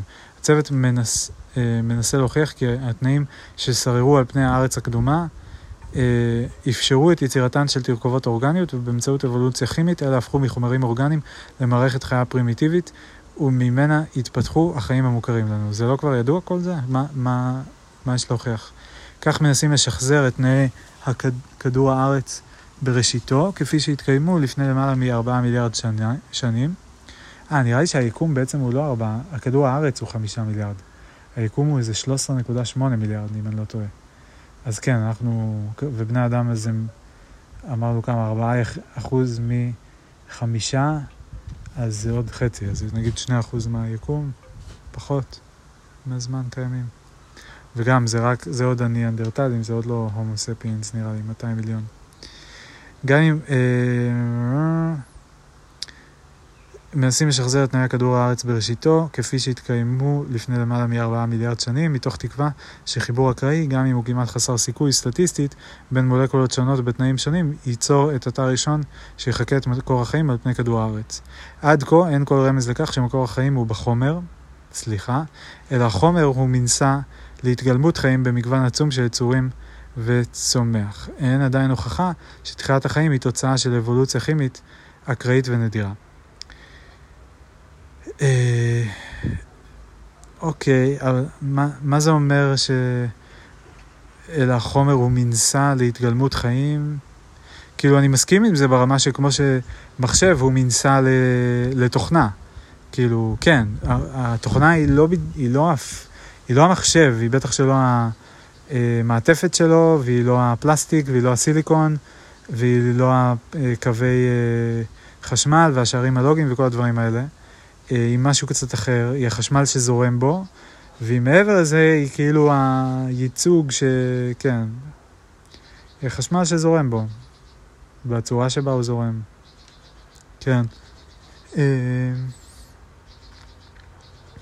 ואין עדיין הוכחה שתחילת החיים היא תוצאה של אבולוציה כימית אקראית ונדירה. אה, אוקיי, אבל אז מה, מה זה יהיה, כאילו? בהקשר זה מעניין לעיין במיתוס האינדי הקדום. אפילו בהגות כה מוקדמת, שרימד בהגבתם, חלק 5, מסופר שהחיים אינם נובעים מן החומר. מה זה אפילו בהגות כה מוקדמת? כאילו, ברור שבהגות מוקדמת היו רעיונות כאלו, כאילו, אז משם המקור של הרעיונות האלו. זה לא שאתה מחדש פה, אתה חוזר אחורה, כאילו, לרעיונות של, שלהם. אתה לא... זה מצחיק להגיד אפילו, כאילו... לא? כאילו, אפילו פעם חשבו את מה שאני חושב שהוא נכון. אה, כאילו... או אני אגיד אחרת. אה, מה שחושבים עכשיו הוא לא נכון, אבל פעם חשבו את זה, אה, משהו, ופעם, חשב, מה שחשבו פעם הוא כן היה נכון, ואפילו פעם חשבו את זה. לא בדיוק יצא לי. אבל כאילו... כן, מצחיק. Uh, מסופר שם שתפקידו של ברהמה, שהגיח מתוך טבורו של וישנו בורא העולמות, הוא ליצור את כלל הברואים מן החומר. מה זה אומר אבל, כאילו, נגיד שהוא כותב את זה, אוקיי, נגיד שזה נכון, או נגיד שזה מעיד על משהו. מה, מה אתה חושב שזה אומר? כאילו, אוקיי, זה סיפור על מישהו בשם וישנו. שהוא היה מיוחד, שהוא, אבל אתה חושב שהוא באמת היה קיים, אתה אומר את זה כמטאפורה, אתה חושב שבאמת היה מישהו בשם וישנו שברא עולמות, אתה חושב שכאילו, שהטקסטים האלה הם לא באמת אמיתיים, אבל הם כן מטאפורות של דברים, זאת אומרת, בגלל שמישהו לפני שלושת אלפים שנה, לפני שהיה טלסקופים, ולפני שהבינו מה זה, שגילו את החשמל, לפני שהיה תאורה, לפני שהיה אה, מדפסות, printing press, כן, לפני שהיה... אה, מכוניות, לפני שהיה אינטרנט, לפני שהיה ויקיפדיה. מישהו לפני 3,000 שנה, 2,500 שנה, סיפר סיפור על וישנו, והוא סיפר שבסיפור וישנו עושה משהו בצורה מסוימת, והוא סיפר שבסיפור אפשר לעשות ככה ואי אפשר לעשות ככה, או כדאי לעשות ככה אפשר, ולא כדאי לעשות ככה, ווישנו מסביר את זה כי ככה וככה בצורה ציורית, אה, ובן אדם שואל אותו שאלה והוא עונה לו, אוקיי, יש סיפור על איזשהו אל מלפני שלושת אלפים שנה, שכתבו לפני שהיה הרבה טכנולוגיה ש... אה, שהיא מאוד שינתה את ההבנה שלנו והוסיפה והפכה את ההבנה שלנו של העולם ואת היכולת שליטה שלנו בו ואת הרזולוציה שבה אנחנו מצליחים לראות דברים ואת המרחק גם בזמן וגם פיזית שאליו אנחנו מצליחים להגיע. אה, אז לפני כל זה מישהו סיפר סיפור. מה אתה מנסה ללמוד מזה? זה מה שאני לא, לא מצליח להבין, כאילו, מה אתה גוזר מזה? מה הנפקא מינה? מה, מה כאילו הנגזרת? מה משתמע מזה? אוקיי, אז בוא, בוא נקרא. מסופר שם שתפקידו של ברמה, עוד מישהו מסיפור דתי כלשהו, שהגיח מתוך טבורו של וישנו בורא העולמות, literally או figuratively, ואם זה figuratively אז אוקיי, מה זה אומר? נגיד, הוא ליצור את כלל הברואים מן החומר, כלל החי והצומח, אך את החיים מעניקים, מעניק האל וישנו, אשר לנו, החיים, אין גישה או יכולת להבינו. אוקיי, אז מישהו אמר את זה לפני שלושת אלפים שנה, אז מה אתה מסיק מזה? שאיזושהי ישות יצרה את העולם הזה ושיש עוד עולמות? שהעולם הזה אה, הוא נוצר מחומר, אבל הוא לא חומר, כי מישהו כתב על זה לפני שלושת אלפים שנה? אה, whatever that means גם, כאילו שהוא חומר, הוא עשוי, נוצר מחומר, אבל הוא לא חומר. ושאין לנו יכולת להבין את החיים, שוב, כי מישהו כתב את זה לפני שלושת אלפים שנה. למה? כאילו, למה... בוא נגיד שהבינו המון המון דברים שהבן אדם הזה לא צפה שיבינו. הוא לא כתב כזה, אתם תבינו את החשמל, ואתם תבינו את התקשורת, ואתם תבינו את ה...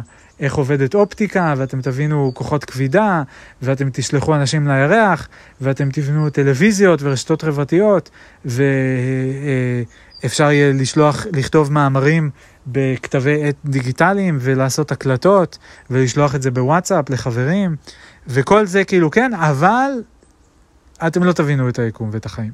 כאילו, זה לא שהוא צפה את כל מה שכן הבנו אחרי שהוא טען שאי אפשר להבין כזה בכללי את הכל. אז למה להאמין לו? אני לא מבין. איזה קרדיט כאילו הוא מקבל ומה הערך של הסיפור הזה שלו.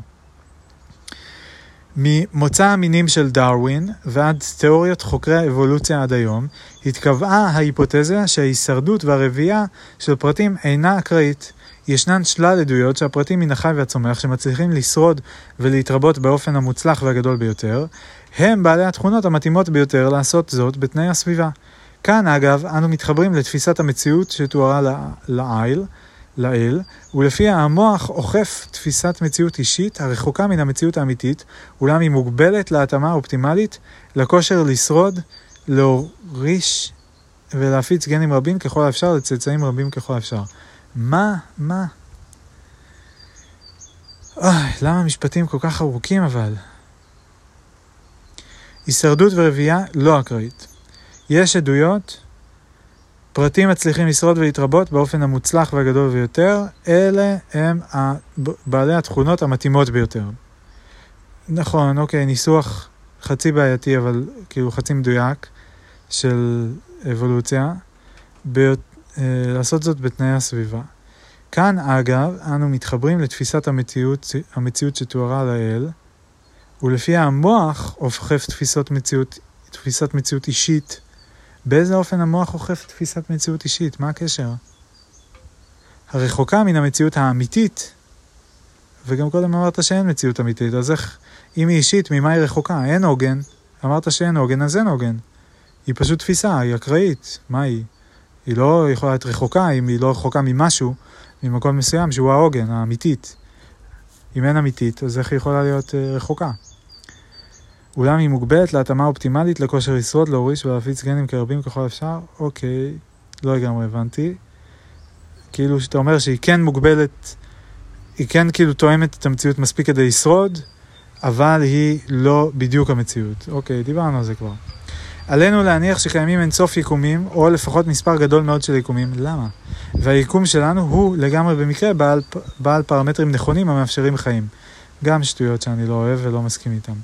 בקצרה היקום ואנו נוצרנו במקרה, ללא כוונה או תכנון כלשהו, כך על פי הפיזיקאי אילם גרוס, כן, מכיר אותו. כאן יש לתמוע, אה, אילם נראה לי, קוראים לו, אילם גרוס. אה, אה, כאן יש לתמוע על התנהלות יקומית לא מובנית, לא מובנת. כמה עוד נשאר לי? אוי ואבוי. יש עוד, אה?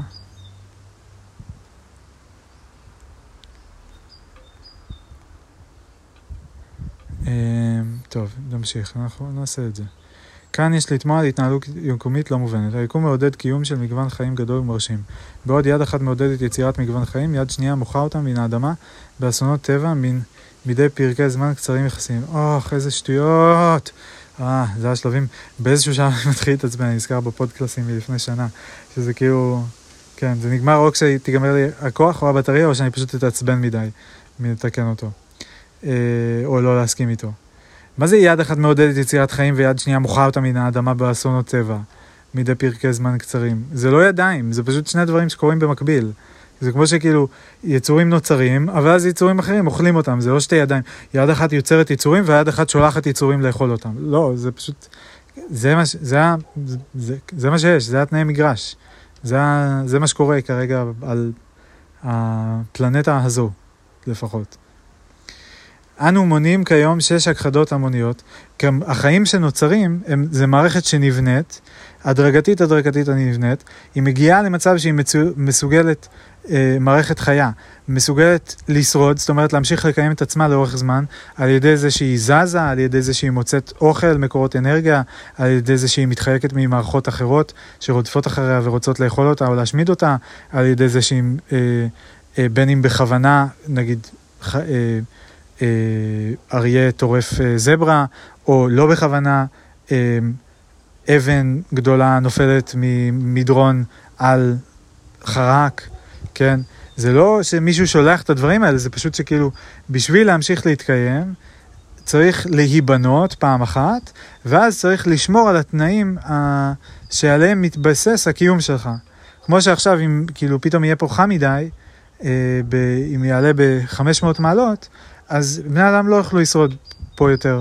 וזה יהיה בין אם זה יקרה כתוצאה מהתחממות גלובלית בגלל שאנחנו נסענו יותר מדי באוטו וטסנו יותר מדי במטוס, או בגלל שיפגע מטאור בכדור הארץ והכל יתחמם, או בגלל שלא יודע מה, השמש פתאום אה, תגדל ב-20% ותשמיד אותה. כאילו, כל דבר שמשתנה בסביבה יכול לשנות את, ה, אה, את הגבולות גזרה של ה...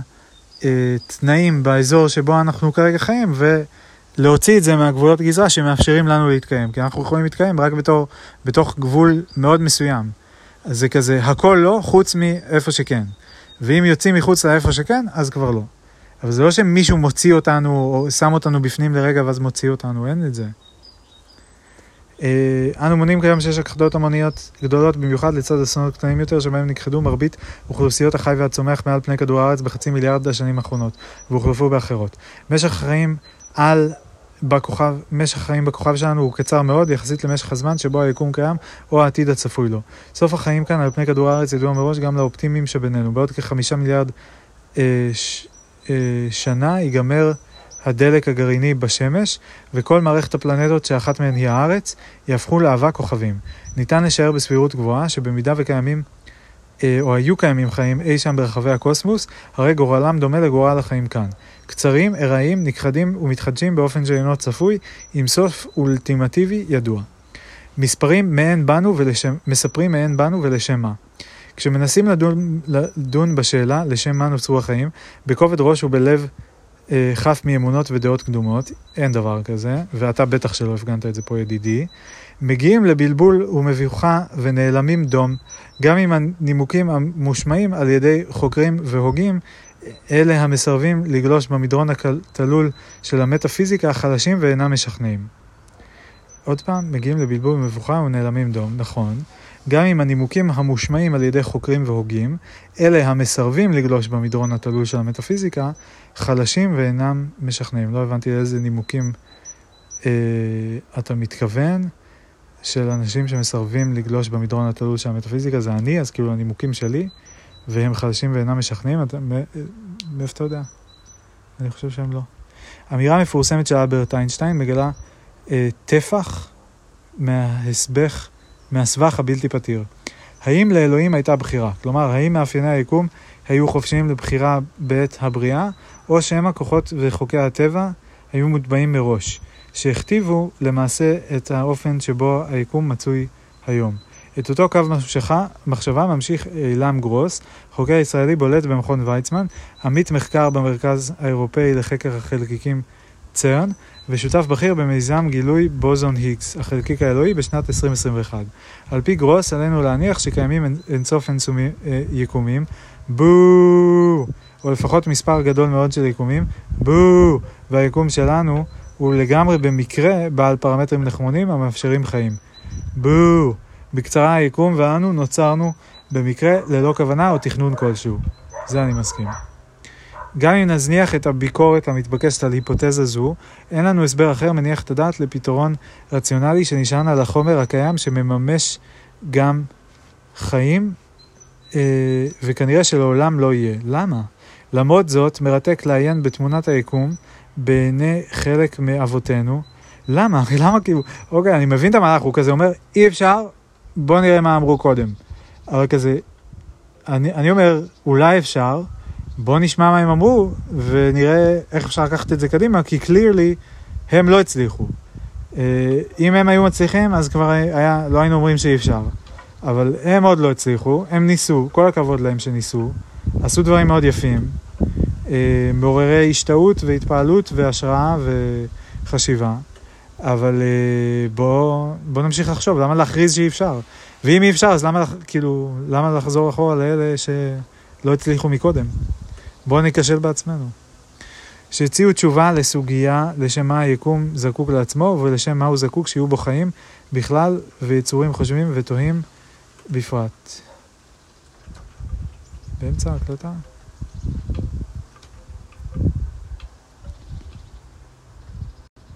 זה ממשיך? מתקשרים אליי כאילו, אה אוקיי זה ממשיך.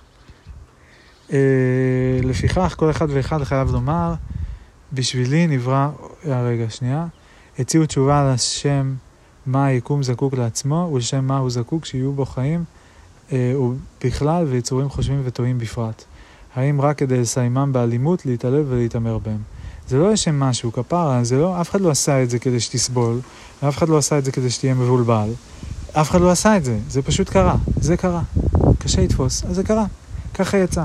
זה די מדהים, זה לקח המון זמן, ממש ממש ממש הרבה זמן, קשה מאוד לתפוס, אפשר הרבה זמן לבלות, רק בלנסות לתפוס כמה זמן זה לקח, כדי לקבל איזשהו מושג, איזשהו מושג שכאילו, אוקיי, למה זה כן אפשרי, כאילו כן הגיוני בהינתן מה שאנחנו יודעים, שהדבר הזה שהוא מאוד עשיר ומורכב וצבעוני, ייווצר אה, מתוך דברים מאוד פשוטים ולא חיים וסטטיים ומתים, אה, במובנים מסוימים, כאילו לא במובנים מסוימים, מתים לגמרי וסטטיים במובנים מסוימים.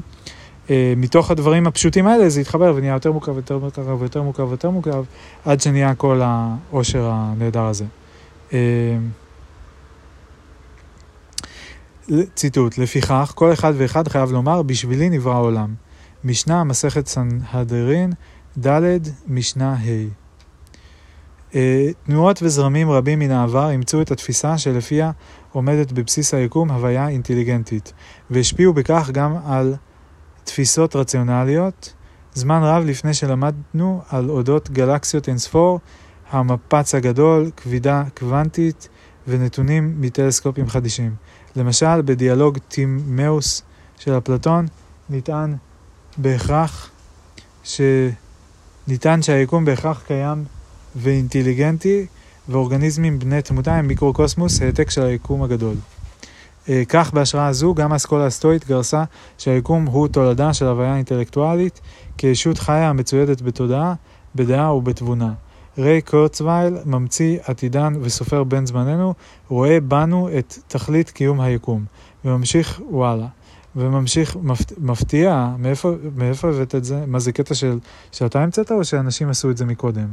כי אני חושב ששמעתי את זה פעם, ריי, שאנחנו מרכז היקום והכל סובב סביבנו, וכזה גם המקום שאנחנו נמצאים בו הוא כזה האמצע של הכל, ובעצם הכל כזה נוצר בשבילנו, ולשמנו, לשמנו, לשמה, לש, לשמנו.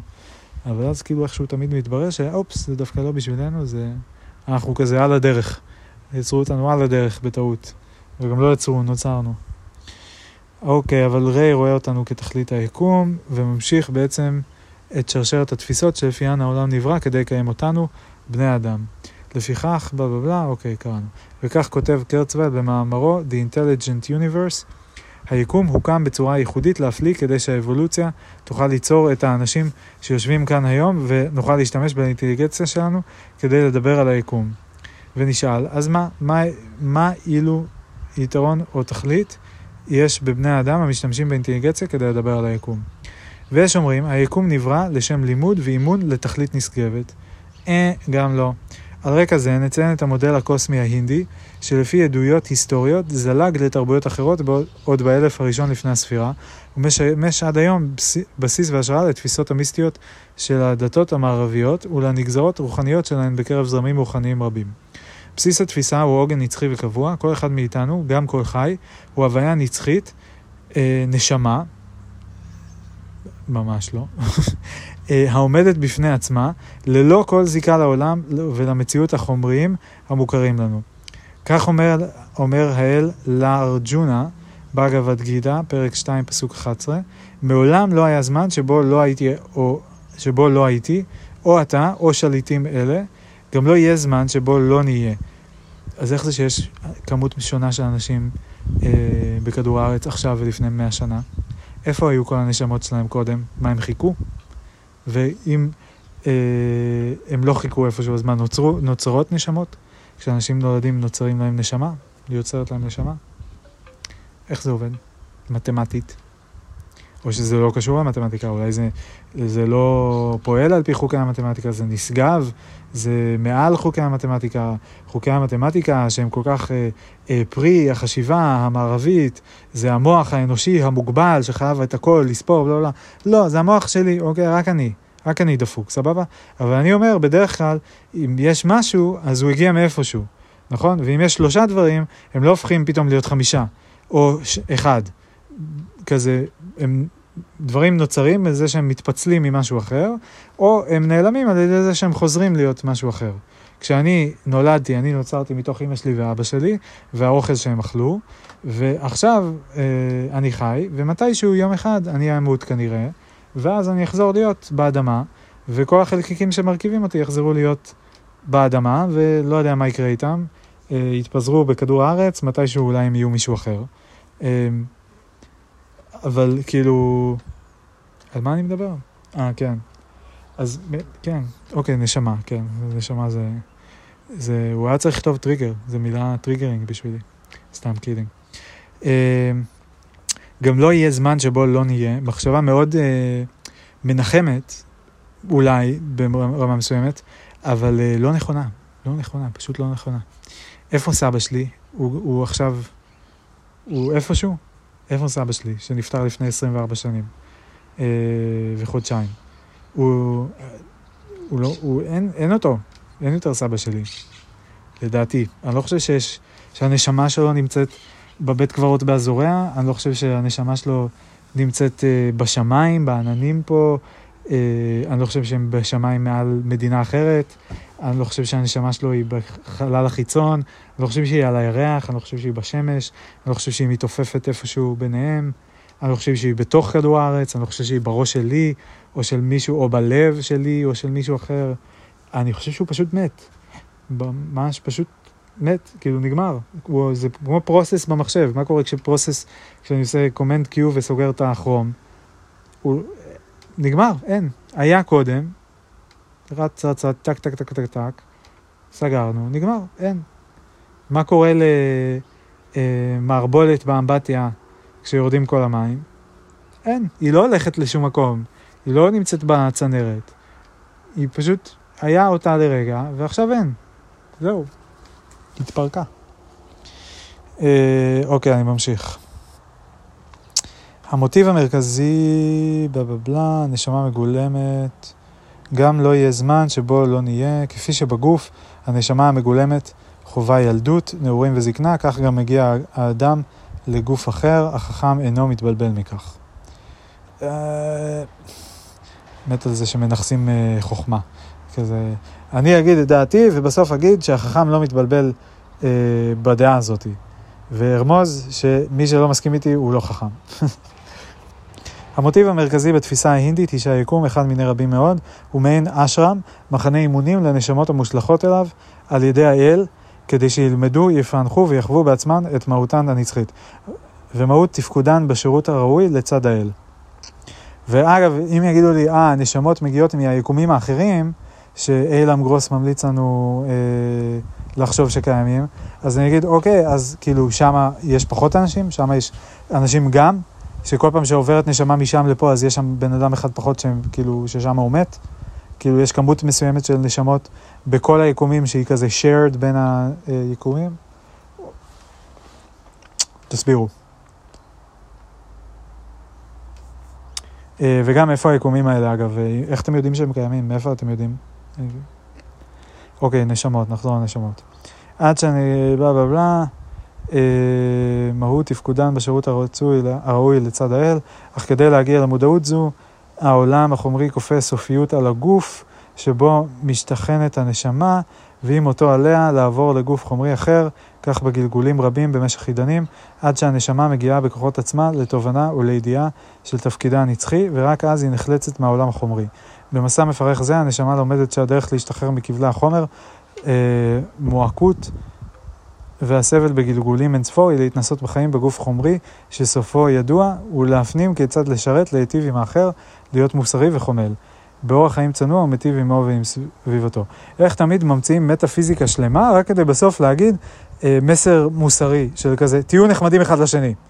כזה יקומים, נשמות, גלגולים, אתה עברת, אתה זקן, אתה חכם, אתה צעיר, אתה פרש, אתה יאנג, אתה...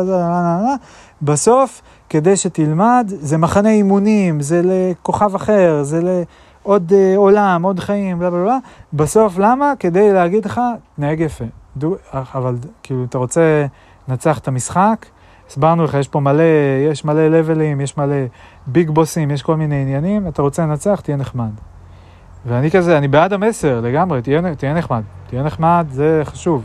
אבל לא יודע אם צריך לעטוף את זה בסיפור science fiction, כאילו בשביל המסר הזה. אמ, וגם, אני לא אוהב שכאילו תמיד הסיפורי science fiction האלה, בגלל שהם fiction, לתפיסתי, אמ, והם ממציאים ישויות, אלים, וישנו, קרישנה, אה, נגרג'ונה, סתם לא נגרג'ונה הוא אה, חוקר בודהיזם. אה, ואולי היה גם בודה בעצמו, מי אפשר לדעת, לפי הטענות. אז בקיצור, תמיד הם ממציאים עולם אחר, עולמות אחרים, עם חוקים שהם, עם חומרים שהם לא חומר, כאילו עם ישויות שאין דרך לגעת בהם, אין דרך לראות אותם, אין דרך לשמוע אותם, אין דרך... אבל הם איכשהו פענחו את החוקים של איך הם עובדים או מה כדאי לעשות איתם. הדרך היחידה שלי לגלות על הדברים האלה זה לשמוע עליהם מסיפורים של אנשים אחרים, ואז אולי לחפש אותם איפשהו מסביבי ולהגיד, אה, אולי זה זה, אולי זה זה, אולי זה זה, אולי זה בראש שלי המחשבה הזאת, אולי זה הקול הזה, אולי זה האירוע הזה שקרה לי עכשיו, שבדיוק בקשתי מישהו שמכיר את השכנה שלי, אולי זה כאלה. אמ, כל מיני צירופי מקרים, להתחיל להגיד, אה, זה זה, הנה, זה אומר שככה וזה אומר שככה. וכאילו הקטע הזה של המסר האנטי חומרי, זה בעיניי כאילו איפה שזה, יש קצת פאול, כאילו, כי זה בסדר לדמיין, וזה בסדר ל... אם מישהו רוצה לחשוב שיש עוד uh, את וישנו, ושהוא עשה ככה, והוא אמר ככה, אם מישהו שואב מזה השראה, אם מישהו רוצה לבנות אורח חיים סביב איזה סיפור מסוים, כאילו, בכיף, הכל סבבה, אבל המסר האנטי-חומרי הוא בעיניי לראות לעצמך ברגליים, כי כאילו אתה עשוי מחומר, אתה עשוי מחומר, הכל עשוי מחומר.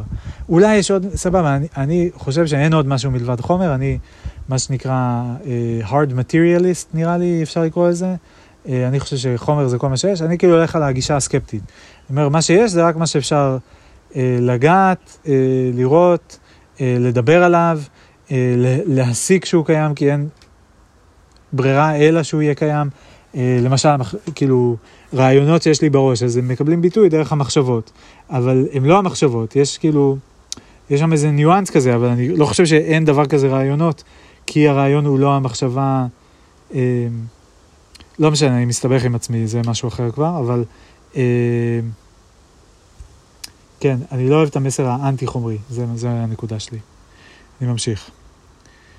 אה, ו- ואני בעד מוסר, אבל לא צריך לבנות את זה על בסיס כאילו אה, סיפורים עם מטאפיזיקה שהיא לא פיזיקה, כאילו... היא מטאפיזיקה מדומיינת, כאילו שהיא סיפורית, היא, היא מתאפשרת בסיפור בלבד, היא לא מתאפשרת במציאות. כן.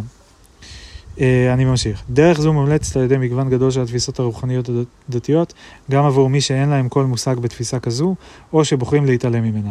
ויפים גם לאלה הסולדים ממטאפיזיקה ואמונות רוחניות למיניהן.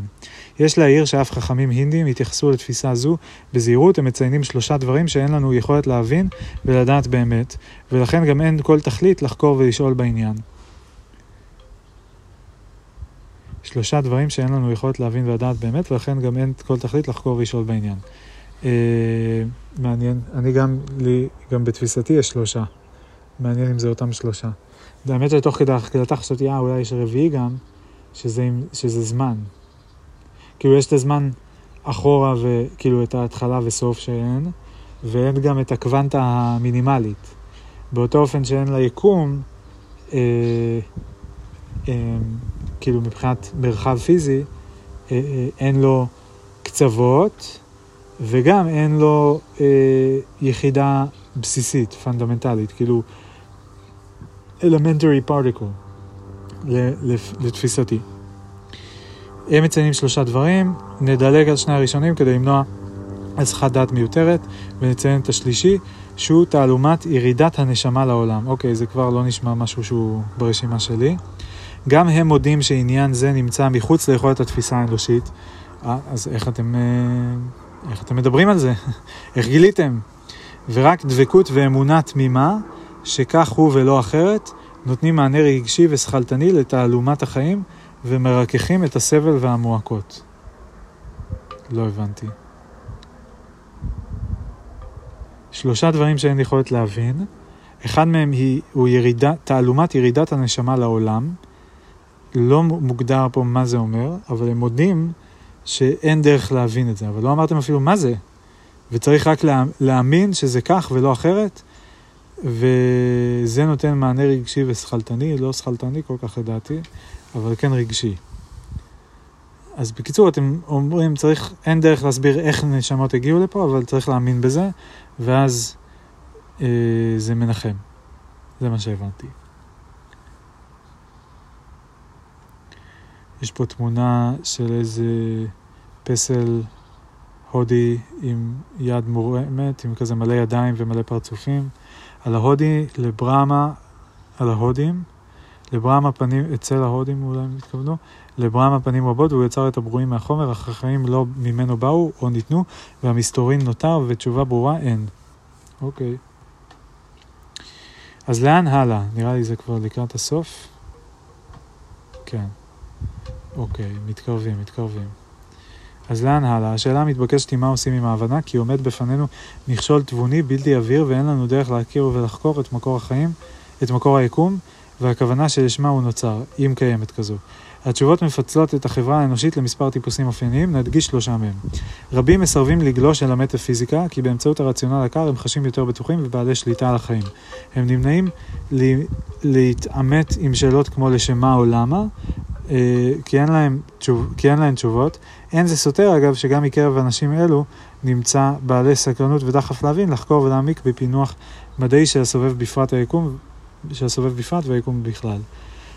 נראה לי שאני מתחלק בקטגוריה הזאת, די בקטגוריה הזאת, רציונל קר, אה, חשים יותר בטוחים ובעלי שליטה על החיים, לאו דווקא, הרבה דברים כשאני חושב בצורה רציונלית, אני מבין כמה אין לי שליטה על החיים, וכמה הכל מחוץ לשליטתי, או הרוב. אבל אה, נגיד, לא, לא בטוח שזה מייצר לי יותר ביטחון, אבל זה כן בדברים מסוימים, שאני מבין גבולות גזרה לפחות של מה יכול להיות ומה לא יכול להיות.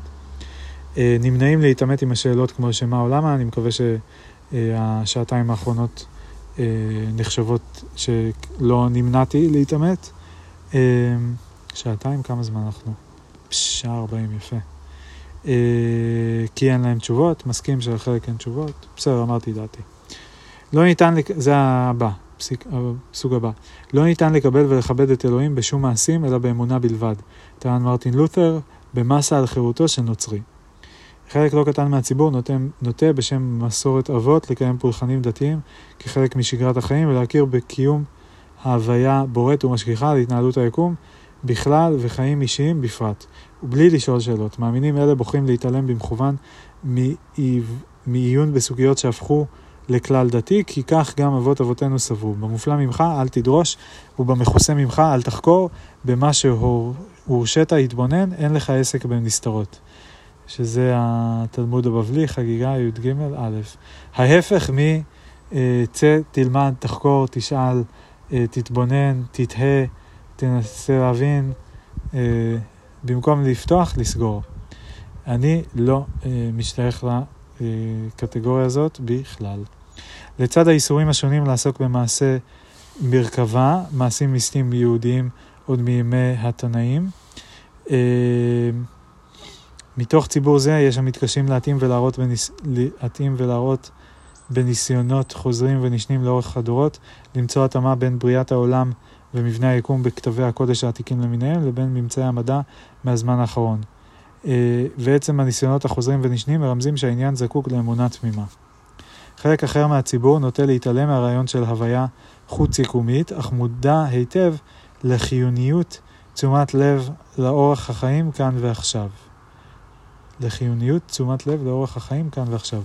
הוא משקיע מאמץ לקיים חיים טובים ומטיבים ככל שניתן, מייחס אחריות אישית למתרחש וליחסים עם הסביבה, ואינו תולה את האשם מגורם חיצוני כלשהו, ודאי לא כזה שבלתי אפשרי, שבלתי אפשרי להכירו.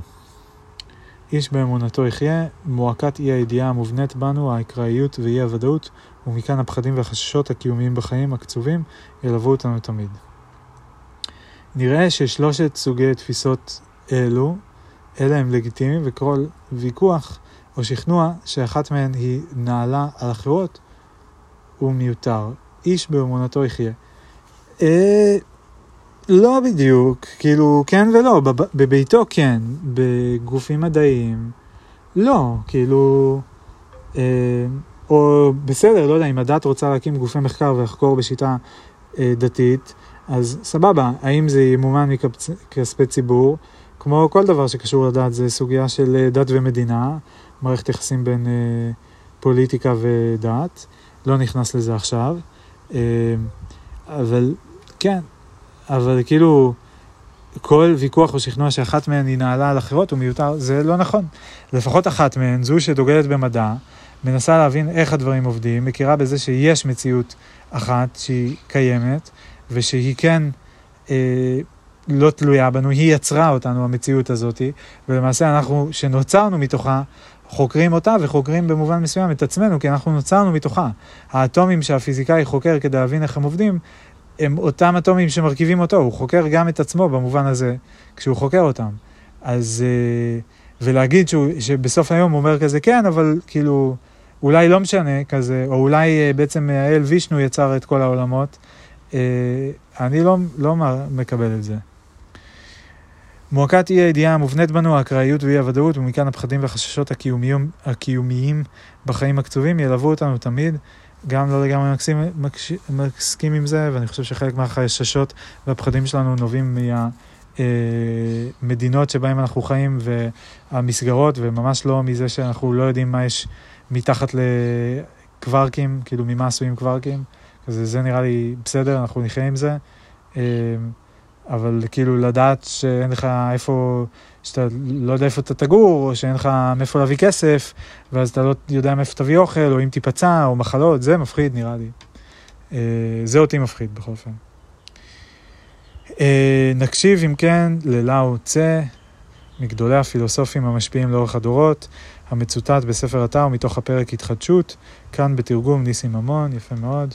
הקדש עצמך להשגת שלווה, רוקן עצמך משאיפות אחרות, מי שהרבה להתרוקן, יישאר בסוף עם שלווה גדולה. כזהו העולם, מיליון דברים מופיעים יחד, ומיליון דברים נסוגים. הביטו בצמחי הבר שהנצו לזמן קצר ופרחו בהדר, ואחר כך שבים לנוח באדמה. אה, אני רואה את הדברים עולים ורואה אותם נעלמים, מחזוריות של לידה ושיבה, יש בה יופי ו...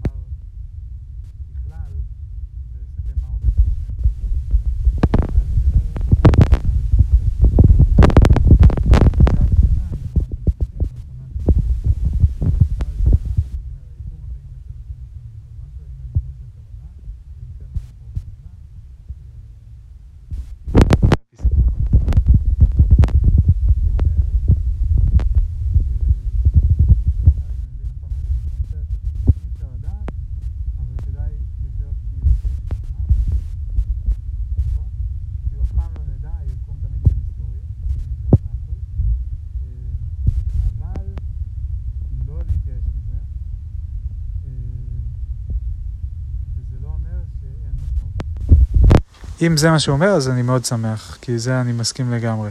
אפילו שלא הסכמתי עם 95% ממה שהוא אמר בדרך לשם. אה, כן. היה פה משקע, משפט בפסקאות האחרונות. אה, במילים אחרות, החיים חשובים כי אנו קיימים בהם לעת עתה. זה כאילו נדמה שהוא באמת מנסה לענות לעצמו על השאלה, לעצמו, לנו, למה החיים חשובים, או לשם מה הם חשובים. What are they good for? והוא אומר, החיים חשובים כי, כי, כי, כי אנו קיימים בהם לעת עתה, שזו תשובה קצת מוזרה, כאילו, זה קצת אה, אה, מעגלי, כאילו, הם חשובים כי, הם, כי אנו קיימים בהם לעת עתה, כאילו, הם חשובים כי, כי יש אותם, אבל אנחנו קיימים בהם כי הם, כאילו, הם ואנחנו זה ביחד. אז, וכי הם תחומים, אז הם חשובים כי הם תחומים? לא. לא יודע. ולכן המטרה היא להתמקד בקיים וביופי המזדמן. אוקיי, לא נראה שיש לנו ברירה אלא להתמקד בקיים, למרות שאתה פה במהלך המאמר התמקדת בהרבה דברים לא קיימים, אה, כאילו ברעיונות קיימים על דברים שלא קיימים, אבל אוקיי, וביופי המזדמן, אני מסכים, אני מאוד אוהב יופי. ויש להתמיד להיות חלק משרשרת קיום מתמשכת. אני לא מבין מה זה אומר להיות חלק משרשרת קיום מתמשכת, ואני לא מבין גם באיזה מובן יש לי להתמיד בזה, כאילו זה אומר לא למות, כי אני חלק משרשרת שאני לא בחרתי אותה. כאילו, אני לא בחרתי את ההורים שלי, לא בחרתי את הסבים, לא בחרתי את המין הזה, לא בחרתי את הפלנטה, אה, את היקום. אני פשוט נוצרתי פה. אה, אז לא לגמרי ברור לי מה זה אומר להתמיד בזה, ואני גם לא כך... כן, לא, לא הבנתי לגמרי.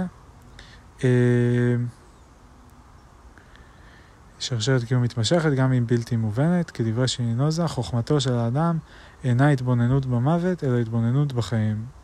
זה אני מסכים. אפשר גם להתבונן במוות, אני חושב שלהתבונן במוות זה גם מאוד מעניין, ולומדים מזה הרבה על החיים, וזה גם כאילו אולי מעלה באיזשהו מובן, מובן את הערך של החיים, אבל בטח שלא צריך להסתכל רק במוות, או לחשוב שבגלל שיש מוות, אז מה הטעם בחיים? זה אני לא חושב. זהו, נעצור פה, נראה לי עברתי יפה על הכל, ונראה לי גם נתתי סיכום לא רע, אני מקווה.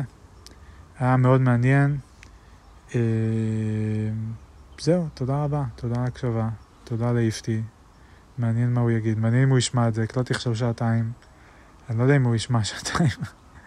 אה, אבל אני אכניס את זה לפודקלאסט, מתישהו אני אעלה את זה גם, אולי בקרוב. וזהו, מקווה לעשות עוד כאלה, כי האמת שזה נחמד מדי פעם. يا ليت